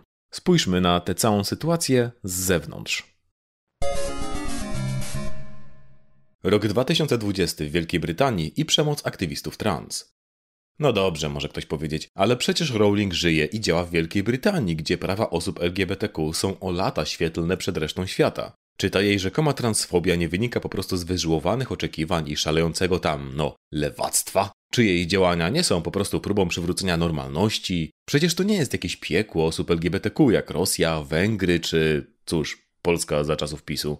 Na ten temat zostało powiedziane bardzo dużo, na szczęście nie musimy szukać daleko. Bo widzicie, Mamy raport sporządzony pod koniec 2021 przez Komitet Równości i Niedyskryminacji Zgromadzenia Parlamentarnego Rady Europy. I teraz uwaga, aby się nie pomylić. Rada Europy to nie Unia Europejska, tylko niezależna, ponadnarodowa organizacja 46 krajów członkowskich, która powstała nieco wcześniej. To ta od Europejskiego Trybunału Praw Człowieka w Strasburgu, gdzie czasem wysyła się skargi. W każdym razie, Wydane przez nią w roku 2021 stanowisko i raport Zwalczanie rosnącej nienawiści przeciw osobom LGBTI w Europie pomaga nam porównać sytuację Wielkiej Brytanii do Rosji czy Polski. Jak czytamy w paragrafie trzecim rezolucji, Parlament potępia wspomniane zjawiska, które można zauważyć w całej Europie niezależnie od stopnia zabezpieczeń już oferowanym osobom LGBTI w danym kraju. Parlament potępia też szczególnie szeroko zakrojone i nieraz zajadłe ataki na prawa osób LGBTI, które miały miejsce przez ostatnie kilka lat w m.in. Polsce, Węgrzech, Federacji Rosyjskiej, Turcji i Wielkiej Brytanii. Więc tak, zdaniem Europy aż tak źle. Do tego stopnia, że poświęca cały paragraf 52 Wielkiej Brytanii. Oto jej fragmenty. Będą brzmieć znajomo. W Wielkiej Brytanii retoryka antytrans, jakoby płeć była niezmienna, a tożsamości płciowe nieprawdziwe, również zyskuje nieuzasadnione i niepokojące uznanie kosztem zarówno wolności obywatelskich osób trans, jak i praw kobiet oraz dzieci. Trwa zażarta debata społeczna, polityczna i prawna na temat tego, co stanowi szkodliwy dyskurs w kontekście osób transpłciowych i ich praw, a argumenty broniące wolności słowa były i nadal są używane jako sposób na uzasadnienie retoryki transfobicznej, co dodatkowo krzywdzi i wyrządza szkodę osobom transpłciowym oraz im społecznościom, które już bez tego były marginalizowane. Coraz trudniej jest też jednostkom i organizacjom dokonywać publicznej afirmacji młodych osób transpłciowych bez stania się celem nieuzasadnionego kwestionowania i wrogości ze strony społeczeństwa. Ruch Gender Critical, który błędnie twierdzi, jakoby prawa osób trans groziły w szczególny sposób cispłciowym kobietom i dziewczynkom, odegrał w tym procesie szczególną rolę. Niepokój wzbudziła też rosnąca liczba rodziców, którzy w wyniku prób uzyskania prywatnej opieki medycznej dla swoich dzieci, ponieważ nie są w stanie wystarczająco szybko skorzystać z opieki publicznej, zostają przedmiotami śledztwa organów państwowych. Opieka zdrowotna osób transpłciowych jest też błędnie przedstawiana jako forma terapii konwersyjnej. Dużo podobieństw, nie? To nie dlatego, że ten raport jest o Rowling, tylko że ona powtarza tę samą narrację. Okej, okay, ten segment jest trochę mroczny, a w 2021 nie wydarzyło się wiele poza tym, że Rowling pisała jak to jej grożą. Zatem zamiast tych kwestii politycznych pomówmy o sprawie kryminalnej. J.K. Rowling była kobietą. Kobietą odważną. Taką, która nie wstydziła się mówić prawdy. A kobiety odważne zyskują sobie wielu wrogów. Nierzadko na wysoko postawionych miejscach. Zwłaszcza kiedy ta prawda jest niewygodna dla rzekomo progresywnej partii, której żelazna ręka od ponad 12 lat nie sprawowała władzy w kraju. Czasem jednak wrogowie pojawiają się w miejscach niskich lub bliskich. Tak oto 22 listopada 2021 roku wybuchła afera kryminalna tak wielka i tak okrutna, że na zawsze zmieniła oblicze twojej starej. Nie no, spoko, coś ty, to się wytnie, no. Tylko mi powiesz, co tam ona i ja to ten, podmienię, no, tak. No, skończę teraz nagrywać i potem tego, no, tak, tak, tak. Joanne od zawsze miała wrogów. W jednym ze swoich tweetów z lipca tamtego roku opisała bardzo realną przemoc, której doznaje. Teraz, gdy setki transaktywistów groziły mi pobiciem, gwałtem, zabójstwem i zamachem bombowym, uświadomiłam sobie, że ten ruch nie stanowi absolutnie żadnego zagrożenia dla kobiet. Tweet był odpowiedzią na jej wcześniejszy, w którym doniosła zmrożącymi krew w żyłach szczegółami o brutalnym ataku transaktywistów na pokojową grupę twojej starej. Słuchaj, mamy dwa dni. No, ja nie wierzę, że nic nie wrzuciła. O i coś tam znajdziesz. No to będziesz siedział i czytał jej Twittera. No za to ci płacą, no. Nie, nie obchodzi mnie, że cię coś boli. A teraz zostaw tego Bayleysa, pozmaruj łapy maścią na odciski do klawiatury. No. Nie przewidziała jednak, jak szybko i jak trafnie przewidziała własny los. Wszystko stało się nagle. 19 listopada 2021 roku pod osłoną dnia pod bramę jej domu podkradł się rozszalały tłum transaktywistów, który następnie rozpętał tam pokojową pikietę. Cała trójka niezamaskowanych postaci była uzbrojona w ciężkie, czarne, trzymane oburącz kartony z ekstremistycznymi hasłami, między innymi nawołujące do transwyzwolenia czy wręcz do uznania praw osób trans za prawa człowieka.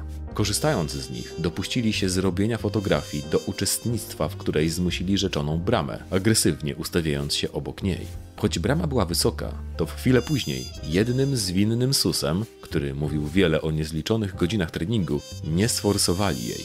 Po udanym zbiegnięciu z miejsca zbrodni wykonane zdjęcia wykorzystali w celu zamieszczenia go na portalu Twitter, tym samym, gdzie Rowling była ofiarą brutalnych ataków za wyrażanie swoich opinii. Ten akt rozpoczął trzy dni przez biografów Rowling nazywane Dniami Oczyszczenia.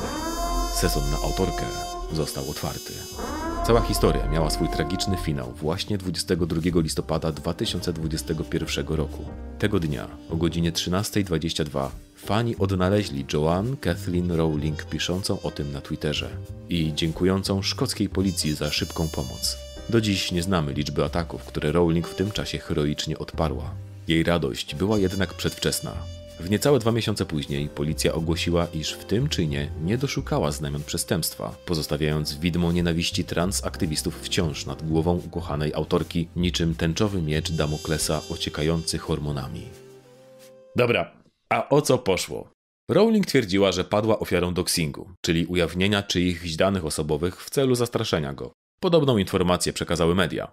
Nie jesteśmy pewni skąd aktywiści mieli adres posiadłości Rowling, bo według wcześniejszych doniesień prasowych Rowling mieszka w skromnym, szeregowym XVII-wiecznym dworku, kupionym za 2 miliony funtów. Jak typowa miejska posiadłość w Szkocji, otoczona jest żywopłotem, który raz na jakiś czas musi być przycięty. A że ma 10 metrów wysokości, wymaga to częściowego zamknięcia czteropasmowej ulicy, co kilkukrotnie donosiły media. Podobnie jak wiele domów w Szkocji, jej skromny dworek posiada własną nazwę i od niego została nazwana cała ulica, przy której leży. Oraz znajdował się w przewodniku turystycznym tego przedmieścia jako dom J.K. Rowling. Dobra, już na 100% poważnie, jej adres nie był tajemnicą, a dom znajdował się w mediach wielokrotnie. Nic dziwnego, że policja nie uznała udostępnienia tego adresu za przestępstwo. Zamieściliśmy ten fragment po pierwsze dla luzu, a po drugie, aby pokazać, że Rowling lubi rozdmuchiwać pewne sprawy, aby zrobić z siebie ofiarę nagonki. A jak już o nagonkach mowa, otagowała w swoim wątku konta tej trójki aktywistów, z czego dwa konta, malutkie i nie należące do osób publicznych, prawie od razu zostały zamknięte przez właścicieli. Prawdopodobnie w wyniku reakcji osób, które polajkowały tego posta 35 tysięcy razy i 3000 razy podały go dalej. Przy całym doświadczeniu hejtu na internecie, Rowling wydaje się nie ma problemu z kierowaniem go na inne osoby, które niestety nie są miliarderkami, więc media nie donoszą o groźbach, które otrzymują. Okej, okay, to teraz przeskoczmy trochę do przodu, bo generalnie w roku 2021 nie wpadła w żadną większą kontrowersję od tego, co już było. Rok 2022. Przyjaciele i wrogowie. To już będzie ostatni segment i znów w ramach narracji pobawimy się chronologią. Dlatego generalnie zwracajcie uwagę na daty. Ale znów najważniejsza będzie jedna, ta lipcowa. 25 kwietnia z okazji Tygodnia Widoczności Lesbijek Rowling zamieściła zdjęcie Alison Bailey, czarnej lesbijki i znanej aktywistki gender critical, podpisane jako Alison maszerująca za prawa osób LGB w roku 1991 i z treścią Dziś zaczyna się tydzień widoczności lesbijek w Wielkiej Brytanii. To dobra pora, aby oddać hołd mojej silnej, odważnej i inspirującej przyjaciółce. Hashtag murem za Alison. Tweet spotkał się z ostrą falą krytyki. Niecałą godzinę później pojawiła się następująca odpowiedź aktywistki i dziennikarki LGBTQ działającej od ponad 20 lat, Lindy Riley. Wow, no na pewno nie tworzyłam tygodnia widoczności lesbijek po to, aby osoby takie jak J.K. Rowling mogły go używać jako narzędzie do wzbudzania nienawiści w naszej społeczności. Hashtag jak nie być sojuszniczką, hashtag L razem z T. Nieco wcześniej, 8 marca, Rowling skrytykowała Annelise Dodds, członkinię brytyjskiej lewicowej partii pracy, za to, że w radiu nie potrafiła podać prostej definicji kobiety. Tak, widzę te uśmieszki tam z tyłu. Wiecie, gdzie to idzie. Jeszcze chwilkę, jeszcze chwilkę. W tym samym tonie, parę dni później, skrytykowała całą partię pracy w twicie do jej przewodniczącego. Nie będzie już można liczyć na to, że będzie chroniła prawa kobiet, ale jak Rowling zaznaczyła w twicie, Wśród tysięcy listów i e-maili, które otrzymałam, można znaleźć rozczarowane członkinie Partii Pracy, Zielonych, Liberalnych Demokratów i Szkockiej Partii Narodowej. Ale powtarzam, kobiety organizują się ponad partiami, a ich siła i gniew rośnie. Nieco wcześniej, ale nadal wokół krytyki partii lewicowej, dostała pytanie. Naprawdę chcesz, aby twoje dziedzictwo zginęło za tę sprawę, J.K. Rowling? Na co odparła? Tak, kochana, zostanę przy tej sprawie i będę bronić prawa kobiet i dziewczynek, aby mówiły o sobie, swoich ciałach i życiach tak tylko, jak im się żywnie podoba. Ty martw się swoim dziedzictwem, a ja się będę martwić moim. I tu jest dobry moment, aby przyjrzeć się temu, jak ta walka idzie.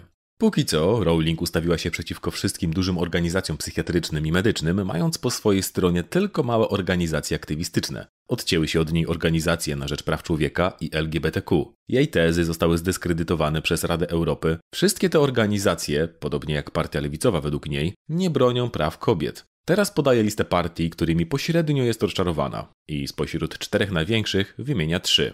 Wszystkie lewicowe lub centrolewicowe. To trochę jak w tym żarcie, gdzie kierowca słyszy w radiu doniesienie, że na autostradzie A4 jeden samochód jedzie pod prąd i wkurzony odpowiada, że w radiu kłamią, bo nie jeden, a setki. Gdzie zatem jeszcze kobiety mogą szukać poparcia? Cóż, tam, gdzie je znajdą. I w ten sposób docieramy do 10 lipca 2022 roku. Znowu lato. Ej, czy ktoś tu się zna na astrologii i mógłby mi to wyjaśnić? Ona ma wtedy Merkurego w retrogradacji? Księżyc jej tranzytuje z koziorożca do dzbana? Nie, no na pewno nie ma mowy o żadnej tranzycji. W każdym razie, astrologowie ogłaszają trzeci i ostatni punkt zwrotny w tym wideo.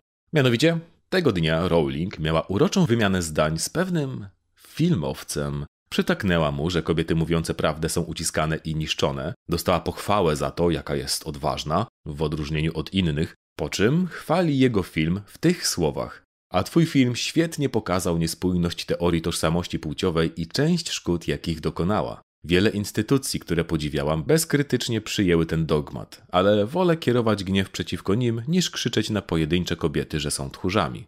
Czymże jest ten film, który ujawnił zepsucie organizacji? Kimże jest ten dzielny filmowiec? Matt Walsh, bo o nim mowa, jest nazywany. Dobra, sam by się pewnie nazwał skrajnie prawicowym trolem i to jeszcze z dumą, tak jak w swoim opisie twitterowym umieścił teokratyczny faszysta po tym, jak ktoś go tak nazwał. Wielki przeciwnik osób LGBTQ, zwłaszcza trans, gwiazda amerykańskiej prawicy, zwłaszcza skrajnej, uważa, że tranzycja nie powinna być legalna. Kropka. Przeciwnik aborcji, rozwodów, praw kobiet. Porównując do Polski, to nie jest gej przeciwko światu Krzysztof Bosak czy Janusz Kowalski, a raczej młoda, permanentnie żyjąca online wersja Wojciecha Cejrowskiego. No, może o bardziej regresywnych poglądach niż Cejrowski, bo ten drugi jednak nie wygłaszał uwag o przymusowym zapładnianiu szesnastolatek, mówiąc, że jest ok, o ile odbywa się w małżeństwie. Hmm. Nic to. Ale w ramach uczciwości musimy wyjaśnić, że Walsh przeprosił i w odróżnieniu od Rowling jego język był bardziej bezpośredni. Pocałujcie mnie w dupę, nie przepraszam. W rzeczy samej, zboczeńcy, powinniście przeprosić mnie za kłamanie o mnie i oczernianie mnie tylko dlatego, że staram się powstrzymać was przed okaleczaniem płciowym dzieci. Wy przeklęte potwory, wy wyżywający się na dzieciach psychopaci. I tak dalej, i tak dalej, i tak dalej. Nie mówimy tego, żeby was wkurzyć, zwłaszcza, że te przeprosiny odbyły się długo po rozmowie z Rowling, tylko aby pokazać jego strategię. Gość ma szokować swoją bezczelnością, zarazem nie mówiąc nic stricte karalnego i biorąc pod uwagę zainteresowania Rowling i tego, jak Walsh jest sławny w kręgach gender critical, jest dokładnie 0% szans, aby o tym nie wiedziała, kiedy dziękowała mu na Twitterze. Ale, ale, jest światełko w tunelu. Bo choć czasem mówi się, że Rowling współpracuje z Walshem, to dwa dni później, 12 lipca, Rowling odcięła się od Walsha jako od osoby. Podobnie jak wiele kobiet na lewicy, rozpaczam nad tym, że wielu samozwańczych liberałów odwraca wzrok od jawnej mizoginii ruchu tożsamości płciowej i ryzyka, jakie stanowi dla kobiet i dziewczynek. Film Walsha bez wątpienia wyjawił to, czego wielu lewicowców bało się zrobić. Ale to, że mamy wspólne przekonania, że kobiety istnieją jako klasa biologiczna, a woda jest mokra, a księżyc nie jest zrobiony z sera, nie czyni z niego sojusznika. Walsh uważa, że feminizm jest zgniły i dla niego standardem wydaje się być poniżanie kobiet, z którymi się nie zgadza. Nie stoi po mojej stronie, tak samo jak nie stoją te urocze postaci mówiące zamknij się lub wysadzimy cię w powietrze, które ukrywają swoją mizoginię pod śliczną różową i niebieską flagą. Okej, okay, mamy trochę centryzmu. I moje ulubione przysłowie polskie być może naziści eksterminowali Żydów, ale pamiętajmy, że Żydzi też nie przepadali za nazistami. Przepraszamy za celowe i całkowicie powiązane zdanie, które tu się znalazło. Przypadkowo wkleiliśmy fragment bardzo mało myślogłębiej wiadomości, którą dostaliśmy, a którą w całości możecie obejrzeć w linku w opisie. Ale też Rowling jasno się odcięła, a nie robi tego często. Prawie nigdy? Więc w tych mrocznych czasach to zawsze punkt dla niej. Swoją drogą trochę to smutne, że w tym wideo przeszliśmy od nie można jej udowodnić transfobii do przynajmniej są sprawy, w których odcina się od skrajnej prawicy. Niestety, poparcie dla filmu na Twitterze zostało, jak i poparcie dla kilku dziwnych osób. Widzicie, kiedy prześledzicie historię jej Twittera przez jakiś czas, jak pan S, który leży tu obok mnie w pozycji embrionalnej, czasem cichutko bełkocząc, już, już, spokojnie, wypoci się, wypoci się. Zobaczycie często pochwały dla małej grupki tych samych kont. To nie tylko Rowling ma problemy ze znalezieniem sojuszników. Cały brytyjski ruch Gender Critical, którego Rowling jest najsławniejszą postacią, znajduje się w podobnej kropce. Wspomniana wcześniej Alison Bailey, ta czarna lesbijka, już w 2020 roku ogłaszała szeroki namiot. Postawmy sprawę jasno. Każda kobieta i dziewczynka musi wiedzieć, że jej prawa dotyczące płci znikną, jeśli nie dołączy do tej walki. Niezależnie od koloru skóry, wieku, statusu ekonomicznego, polityki, wykształcenia itp., czy jest antyrasistowska czy rasistowska, homoseksualna lub homofobiczna. To nie znaczy, że popieram zachowania rasistowskie lub homofobiczne. Absolutnie je odrzucam. Ale czy mamy przemawiać tylko do kobiet wykształconych, feministycznych, nierasistowskich czy lewicowych? Czy chcemy mieć jasny komunikat i witać wszystkie kobiety, czy budować bramki? To niebezpieczeństwo i walka na taką skalę, jakiej żadna z nas nigdy nie zaznała. Trzymanie się jednego ustalonego systemu politycznego czy filozoficznego nie jest rzeczą najpilniejszą. Jeśli ktoś mnie atakuje, a ktoś inny chce mnie ratować, nie będę pytała o jego politykę, zanim przyjmę jego pomoc. A kiedy niebezpieczeństwo minie i zobaczę, że ten ktoś uratował mnie tylko, aby mnie skrzywdzić, to przetrwam wystarczająco długo, aby pokonać i jego. Przypomina nam się ten wiersz o strategii nazistów. Wiecie, ten co szedł jakoś tak. Najpierw przyszli po komunistów, ale ja milczałem, bo nie byłem komunistą. Potem przyszli po Żydów, ale ja milczałem, bo nie byłem Żydem. W końcu przyszli po mnie i nie było już nikogo, kto wstawiłby się za mną. Ale przeżyłem wystarczająco długo, aby samodzielnie móc ich pokonać. Wydaje się jednak, że Apple zadziałał wręcz nader skutecznie, bo dwa lata później, 21 września 2022 roku, Angela Wild, kolejna przyjaciółka Rowling, o której tu jeszcze nie wspominaliśmy, napisała: Jestem przerażona. Najwyraźniej oddałyśmy nasz ruch w ręce ludzi, którzy rozgłaszają nienawiść rasistowską i mizoginiczną. Był czas, kiedy bycie rasistą stanowiło powód do wstydu. Teraz nawet nie możemy nazwać rasizmu po imieniu, a tym bardziej odrzucać infiltrację naszego ruchu przez rasistów. Kiedy transaktywiści nazywają nas skrajną prawicą, to możemy ich wyśmiać, bo prędzej odcięłabym sobie obie nogi niż przyjęła pieniądze od Heritage Foundation, założyła sojusz z Mattem Walshem, czy dumnie twierdziła, że w tych kwestiach Trump to mój człowiek. Nasza uwaga, te wszystkie sytuacje miały miejsce w ruchu GC.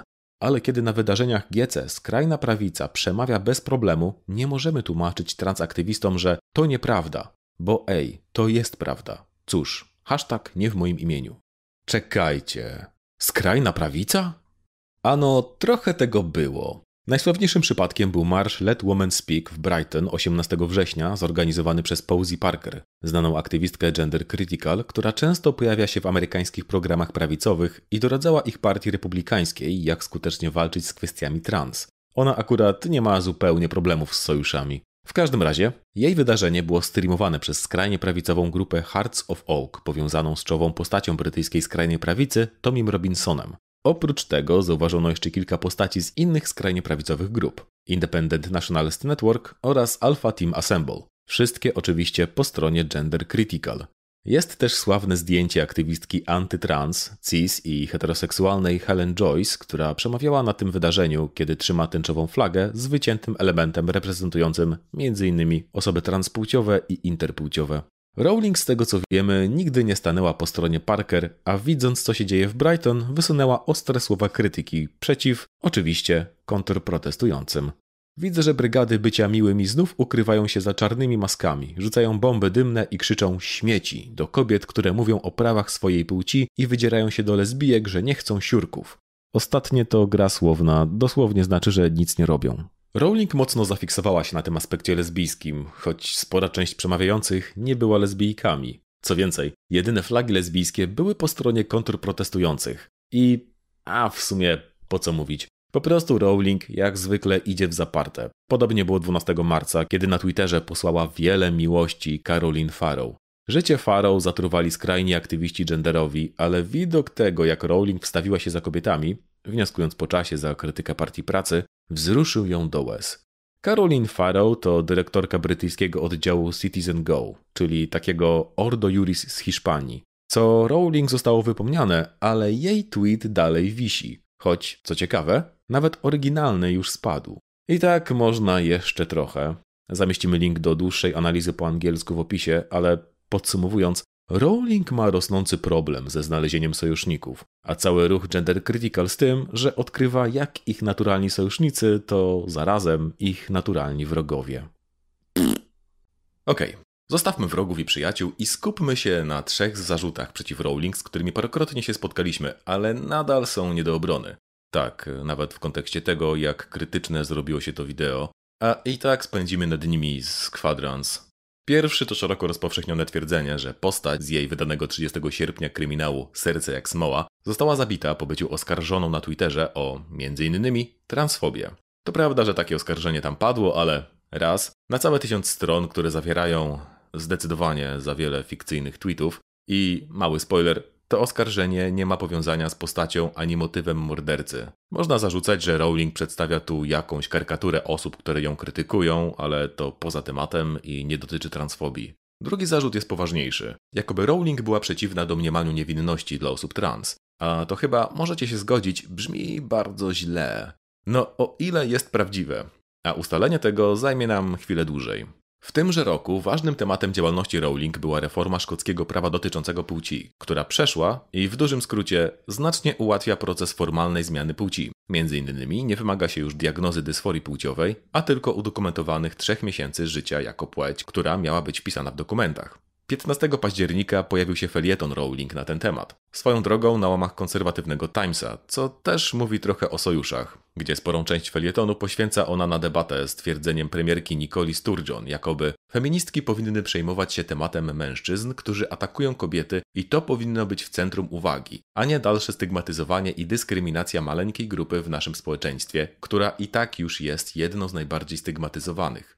To zarzut często wysuwany przeciw środowiskom gender critical i naszym zdaniem słuszny, co parokrotnie już wypłynęło w tym wideo. GC głównie działają przeciwko prawom osób trans, a tylko pod płaszczykiem ratowania kobiet. Widzieliśmy to w przypadku kwestii więzień, gdzie problemem nie była sama przemoc seksualna, której kobiety doznają, przede wszystkim ze strony pracowników, tylko te 5 czy 7 przypadków w przeciągu dekady, gdzie winę można zrzucić na trans kobiety. W każdym razie, Rowling dzieli argument Sturgeon na trzy twierdzenia.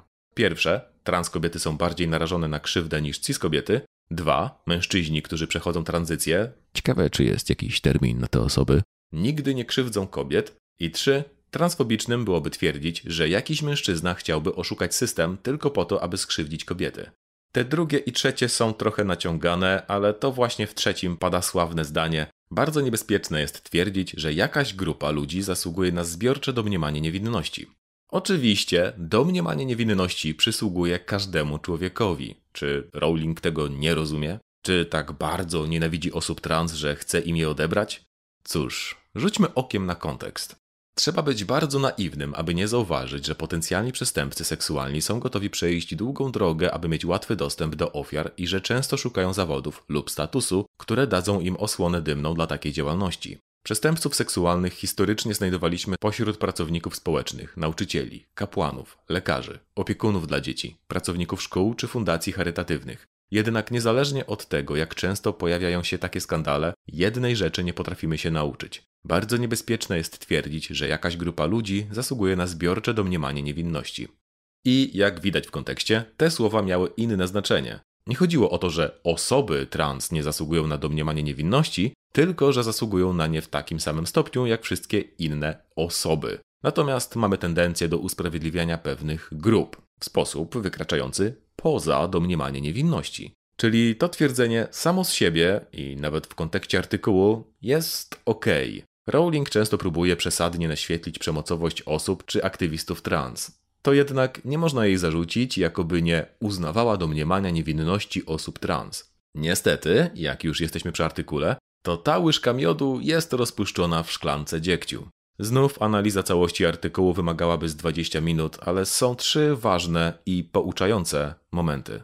Rowling przytacza badanie, też z Timesa, według którego w latach 2017-2018 90% zgłaszanych napaści seksualnych w przebieralniach w basenach publicznych, czyli 120 przypadków, miało miejsce w przebieralniach jednopłciowych, co ma być tezą do podparcia tego, co się stanie, kiedy wpuścimy mężczyzn do przestrzeni kobiecych. Jednak trzeba dokonać kilku przeskoków myślowych, aby stwierdzić, że ma się to jakoś do dopuszczania tam trans kobiet.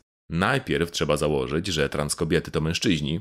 No dobra, nad tym to się Rowling nie natrudzi. Do tego, że jakaś część mężczyzn, która będzie udawać transkobiety, będzie zachowywać się tak samo jak w przestrzeniach jednopłciowych oraz, to przede wszystkim, że będzie musiało im się chcieć przechodzić ten proces prawnej zmiany płci. A tu jest mały haczyk. W nowym prawie jest też zapis o dokonaniu zmiany płci w celu oszustwa, karą za co jest do dwóch lat więzienia oraz grzywna bez maksymalnej kwoty. O tym już Rowling nie wspomina.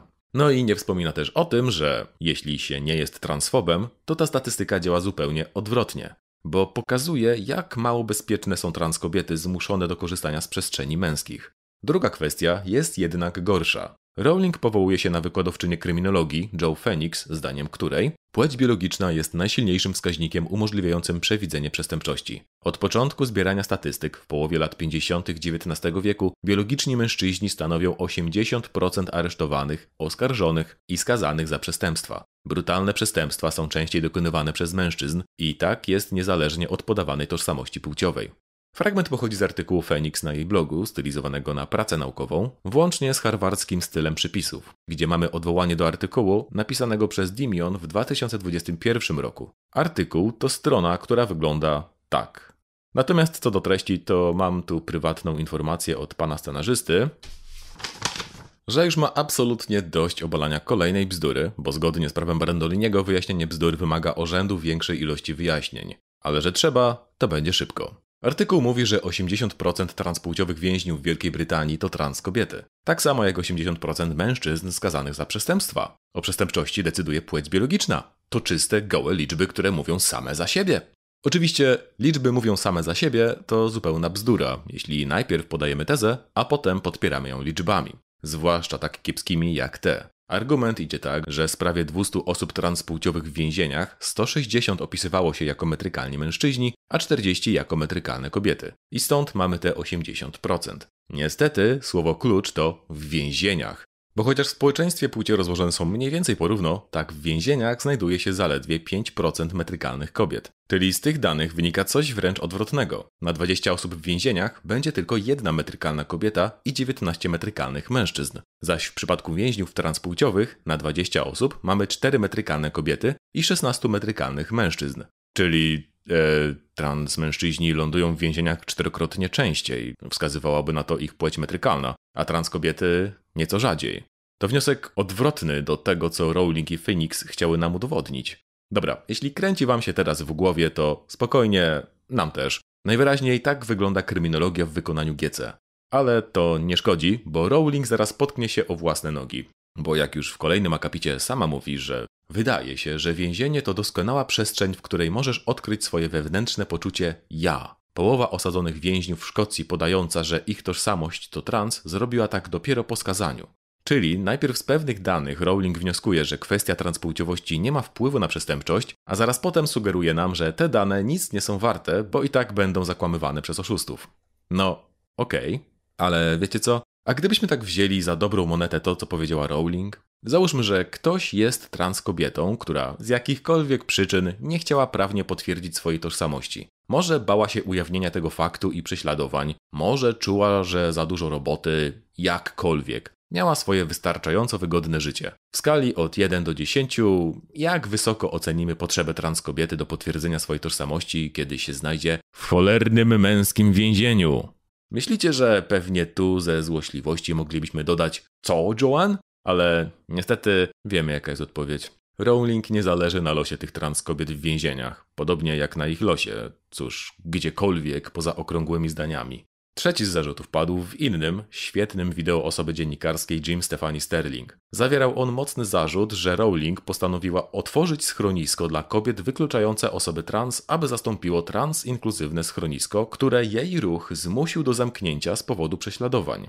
Na całe szczęście prawda nie jest aż tak ponura. Rzeczywiście, schronisko i centrum dla kobiet w Edynburgu było prześladowane przez aktywistów gender critical, przez co zostało zmuszone do zamknięcia drzwi. Ale tylko dosłownie. Po prostu zamontowano wzmocnione drzwi z domofonem, w odróżnieniu od wcześniejszej polityki otwartych drzwi. Powodem prześladowania była transpłciowa prezeska Mridul Watchwa, która, cóż, jest transpłciowa. Centrum nie przyjmuje też nowych osób z powodu zmniejszenia funduszy, acz ciężko stwierdzić, na ile tu odgrywał rolę ruch GC, a na ile kryzys. Więc ten zarzut jest naciągany, na całe szczęście. Ale pomówmy więcej o tym nowym. Bayras Place to nowe schronisko i centrum terapii założone przez Rowling będzie przyjmować tylko cis kobiety, a pracować w nim mają jej znajome z ruchu Gender Critical.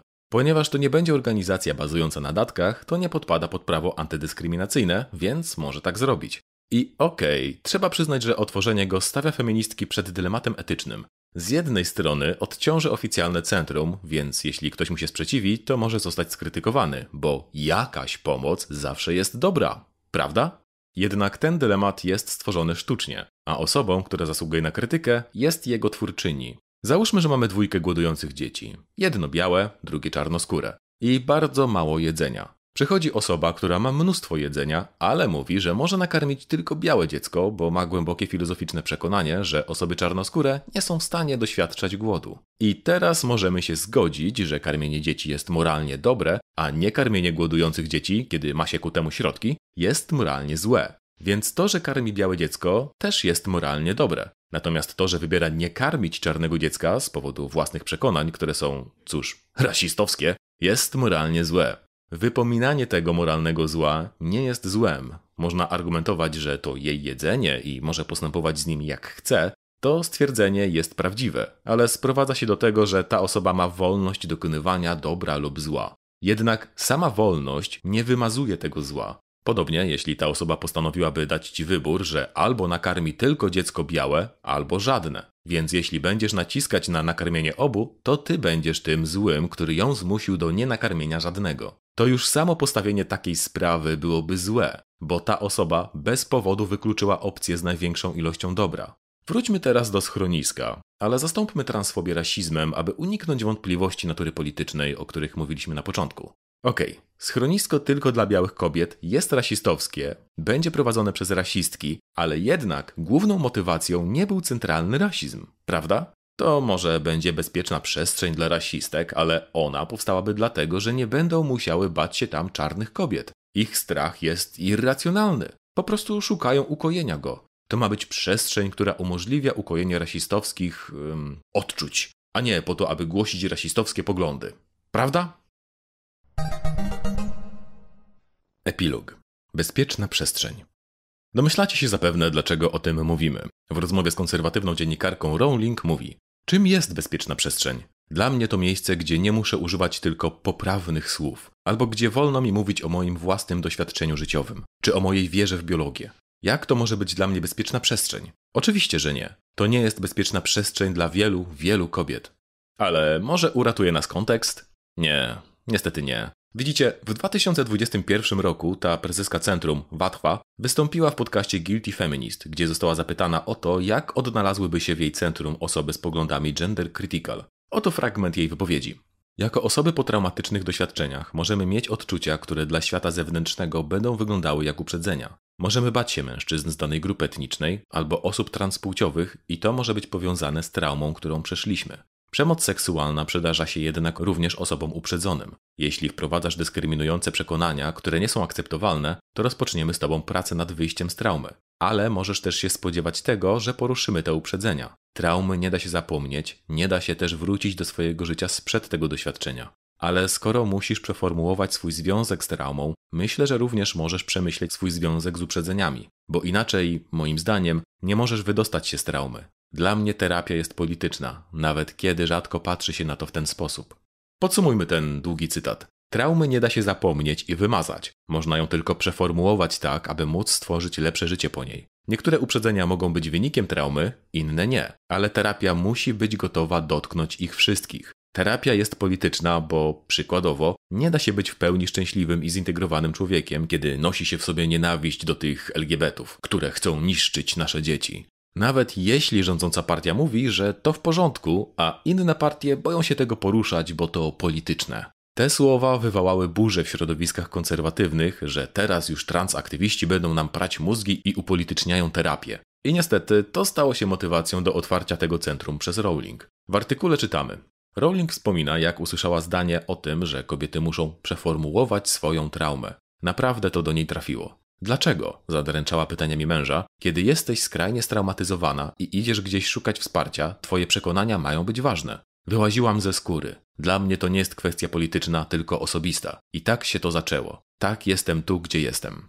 Kiedy wejdziemy w rozumowanie Rowling, według którego ona zawsze jest ofiarą, ma to sens. Nie chcemy jej tu usprawiedliwiać, tylko pokazać sposób jej myślenia. Jak pokazaliśmy w tym wideo, ona nie zmienia swoich poglądów i nie potrafi o nich rozmawiać z niuansem, bez narzucania albo stawiania się w roli ofiary. Dlatego wydaje się, że dla niej każda rozmowa na temat poglądów, nawet w trakcie terapii, też będzie próbą narzucania poglądów, atakiem i przymusem i założyła centrum, aby chronić cis kobiety przed tą rozmową. Wracając do analogii rasizmu, Przestrzeń wolna od przemocy wobec białych kobiet to nie tylko taka, w której nie będzie zagrożenia ze strony czarnych, a przede wszystkim taka, gdzie nie będzie zagrożenia dla ich własnych poglądów rasistowskich. Takie rozumowanie przemocy ma sens z perspektywy bajecznie bogatej i uprzywilejowanej osoby, która nie może się bać niczego więcej ponad krytykę na Twitterze. Podobnie ma sens ta jej lustrzana propaganda. Wiecie, że to nie ja jestem autorytarna, tylko wy.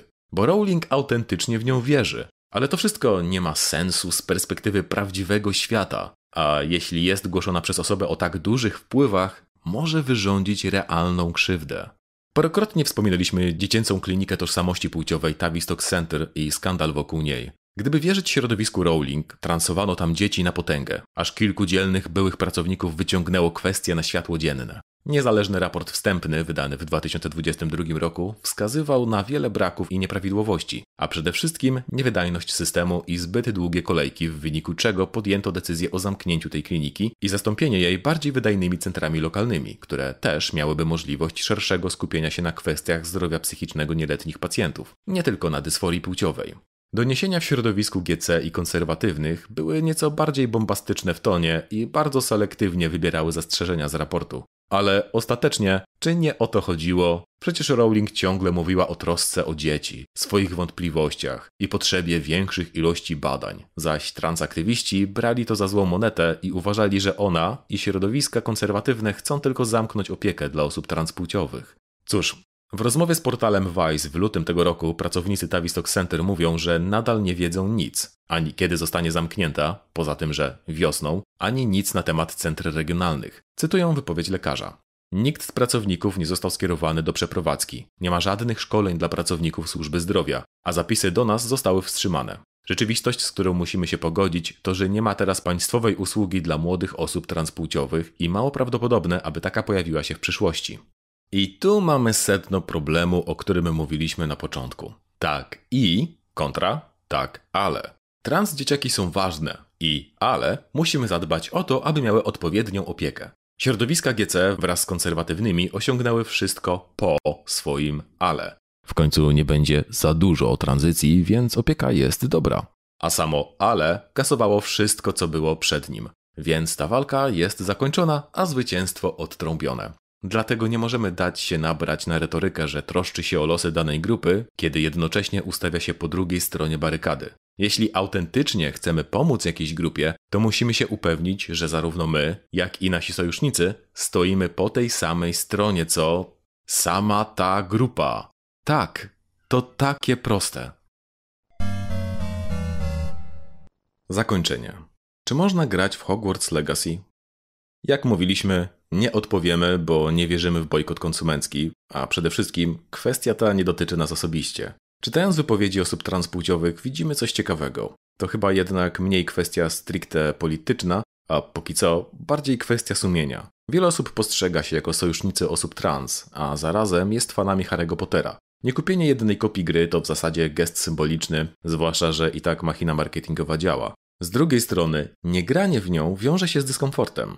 Więc czy nadal będę dobrym sojusznikiem, jeśli nie zechcę doświadczyć dyskomfortu tylko po to, aby je symbolicznie wesprzeć? Widzicie, mówimy, że to póki co kwestia sumienia, a nie polityczna, bo koszta są małe z obu stron. Kwestia stałaby się polityczna, gdyby za wspieranie osób trans zaczęły grozić jakieś realne reperkusje. Dlatego wszystkich sojuszników, którzy są w rozterce, chcemy pozostawić z dwoma niewygodnymi pytaniami. Pierwsze. Aktualne koszta dla ciebie są praktycznie żadne, ale i tak doświadczasz wątpliwości. Czy gdyby wiązały się z realnym poświęceniem, to na pewno byłbyś bardziej zdecydowany? Drugie pytanie to odbicie pierwszego. Można powiedzieć, że twoje niekupienie jednej gry nic nie zmieni, ale w takim razie, kiedy będziesz mieć pewność, że twoje działanie coś zmieni? Nawet skrajne i jednoznaczne akty bohaterstwa przeciw jaskrawej niesprawiedliwości, jak ukrywanie Żydów podczas II wojny światowej, niekoniecznie musiały coś zmienić. O ile nie byłeś osobą bezpośrednio wywożącą ich z okupowanych terenów do bezpiecznego miejsca, zawsze mogło okazać się, że twoja praca będzie daremna. Okej, okay, a schodząc na ziemię i do gry o czarodziejach, to jest jeszcze jedna kwestia dotycząca już dokładnie morale. Rowling ma bliżej nieokreślony udział w zyskach, który przekłada się na środki do jej walki politycznej, jako chyba najbardziej wpływowej osobie GC w Wielkiej Brytanii. I lubi tym grać na nerwach osobom transpłciowym, jak na przykład w tym twicie, gdzie została zapytana przez osobę transpłciową, jak śpisz w nocy, wiedząc, że odstraszyłaś całą grupę odbiorców od czytania swoich książek? I odpowiedziała: Zauważyłam, że ten ból przechodzi bardzo szybko, jak tylko spojrzę na moje ostatnie czeki z tantiem. Czyli ja mam kasę, a ty nie. Więc wal się. Ktoś mógłby powiedzieć, że przecież to, co pisze, nie może być transfobiczne, skoro w swoich wypowiedziach broni osób trans i zwraca tylko uwagę, że tylko niektóre z nich mogą być złe. I to przed nimi chce nas chronić. Po pierwsze, to brzmi jakby danej mniejszości nie można było zaoferować sprawiedliwych praw, bo niektóre złe jednostki mogą ich nadużyć. To nie jest ochrona mniejszości, tylko odpowiedzialność zbiorowa. Po drugie, już tłumaczyliśmy, że argument z ochrony rzeczywiście by działał, gdyby robiła coś dla osób trans. Ale jest coś jeszcze.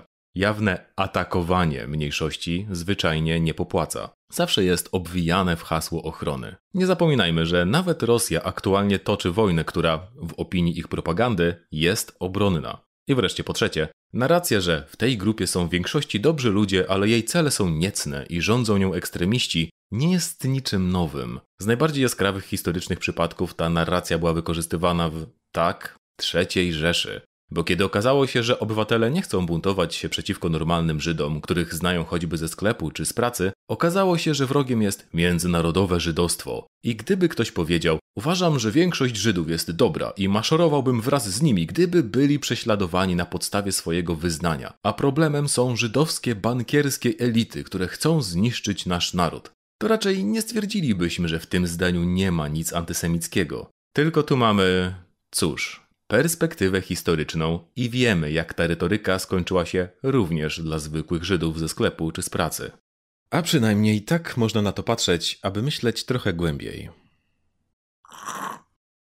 Na koniec mam kilka uwag od pana S. Chyba już mu lepiej. Właśnie przed chwilą się podniósł i teraz pije y, Baileysa z gwinta. A nie, dwa naraz. Jak on to chce utrzymać przy tych zdartych opuszkach? Znowu porozlewasz. E, dobra, nie, ja będę sprzątać. W każdym razie, początkowo oczekiwał, że ten scenariusz zajmie z 2-3 dni, a zajął ich z 10 i to praktycznie całego czasu poświęconego na prowadzenie kanału. Z tego rzeczywiście musiał poświęcić jeden dzień na wypad w góry dla swojej równowagi psychicznej. Ta sytuacja była podobna do momentu, kiedy rozpoczął swój aktywizm klimatyczny. Wydawało mu się, że dość się orientuje, a tu nagle został zasypany masą alarmujących danych i spędził kilka dni na weryfikacji ich. Po czym okazało się, że tylko kilkanaście procent z nich było przesadzone. Tak samo było teraz. Wiedział, że szansa na wyjaśnienie Rowling była bliska zeru, ale spodziewał się więcej rozdmuchanych zarzutów z lewej strony i o wiele mniej jawnych kłamstw z prawej. Taki przykład z najświeższych. Łukasz Sakowski, twórca bloga To Tylko Teoria, o którym mieliśmy osobny materiał, o, tutaj, w swoim ostatnim artykule dla klubu Jagiellońskiego pisał, jakoby tysiące rodzin zdecydowało się na pozwanie osób zajmujących się uzgodnieniem płci. Tylko to nie były tysiące rodzin, a do tysiąca osób. I nie zdecydowały się pozwać, a były poszukiwane do pozwu przez firmę prawniczą Pogust Goodhead. Wiadomość była szeroko rozpowszechniona w prasie prawicowej niedługo po ogłoszeniu, po którym potem ucichła. Podobnie jak jakiekolwiek ogłoszenia firmy w tej sprawie. Tylko widzicie. Jego zdołował taki speedrun sytuacji osób trans w Wielkiej Brytanii w 10 dni. Tymczasem obaj jesteśmy osobami cis i możemy w dowolnym momencie oddalić się od tego tematu. I to ten przywilej pozwolił nam zrobić to wideo na tyle spokojnie i bezstronnie. Podobny przywilej wraz z wieloma innymi posiada też Rowling, przez co też może pozwolić sobie na używanie takiego języka. A ten, naszym zdaniem, nie jest fajny. Jeśli pamiętacie nasze wideo o oknie Overtona, o tutaj, to oprócz ekstremistów rzucających hasła nie do pomyślenia, potrzebne są też osoby o takich samych poglądach, ale bardziej stonowanej retoryce, aby można było zawsze wskazać, że o, te pierwsze to są transfobiczne, bo nawołują do otwartej przemocy, a te drugie to już nie, mimo że obie grupy pod kątem idei przekazują dokładnie to samo.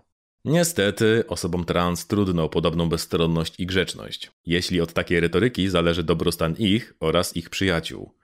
Ot, załóżmy, że przed chwilą dowiedziałem się, że ktoś z moich bliskich jest w głębokim kryzysie, bo utracił prawo do kontynuacji niezbędnego leczenia. A teraz muszę dalej nagrywać wesołym głosem i w grzecznym tonie o tym, dlaczego jego leczenie nie zniszczy naszych dzieci ani nie wymarze kobiet. Więc argumenty o tych niegrzecznych aktywistach trans mają sens o tyle, że oni realnie mają coś do stracenia. W odróżnieniu od takiej Rowling. Dobra, zamieszczamy trochę linków rozszerzających temat Rowling, transfobii i Wielkiej Brytanii. Niestety po angielsku. Zaś u nas, w kraju Lechsinek i Lechsinów, zachęcamy do wsparcia inicjatyw działających na rzecz osób LGBTQ. Linki też w opisie. Poproszono nas też, aby zaprosić Was na pierwszy ogólnopolski Dzień Widoczności Osób Transpłciowych 25 marca w Poznaniu. Link do wydarzenia oraz do zrzutki w opisie. Domyślamy się, że komentarze pod tym wideo będą. Oj, będą. Możliwe, że czytanie ich będzie nawet bolesne, ale wiecie co odkryliśmy? Że ten ból przechodzi bardzo szybko, jak tylko spojrzymy na nasze wsparcie na Patronite. Więc jeśli zostaną Wam jakieś luźne pieniądze po wsparciu tych organizacji, to wesprzyjcie też nas. Jak zrobiły to między innymi te wspaniałe osoby. Adam Kępiński, Adrian Jan Głuchowski, Albert Materski, Czabata, DDDDDDDDD, Jean, Jacek Kiliański, Janusz Grażyński, Jednorożek, Nulenstein, Kamil E., Kamil Stasiak, Konrad Wawrowski, Loken, Lukasynek, Magos Errant, Mariusz Wo, Mateusz B., Mickey Blomi, Mr. Fox, Mordechaj Gumibaum, Ouli, Pan Jan, Patrycja, Paweł Pawlik, Piotr Cieślik, Praptak, Rafał Podgórski, Sachi, Soweł, Szefo, Wodzu Metal, Zuku oraz Zuzaka. Na zakończenie, kochani, proszę pamiętajcie o lajkach i rozsyłaniu tego wideo do ludzi, do których może ono trafić. Oraz skrobnięciu w komentarzu, co myślicie. Tymczasem trzymajcie się i do następnego.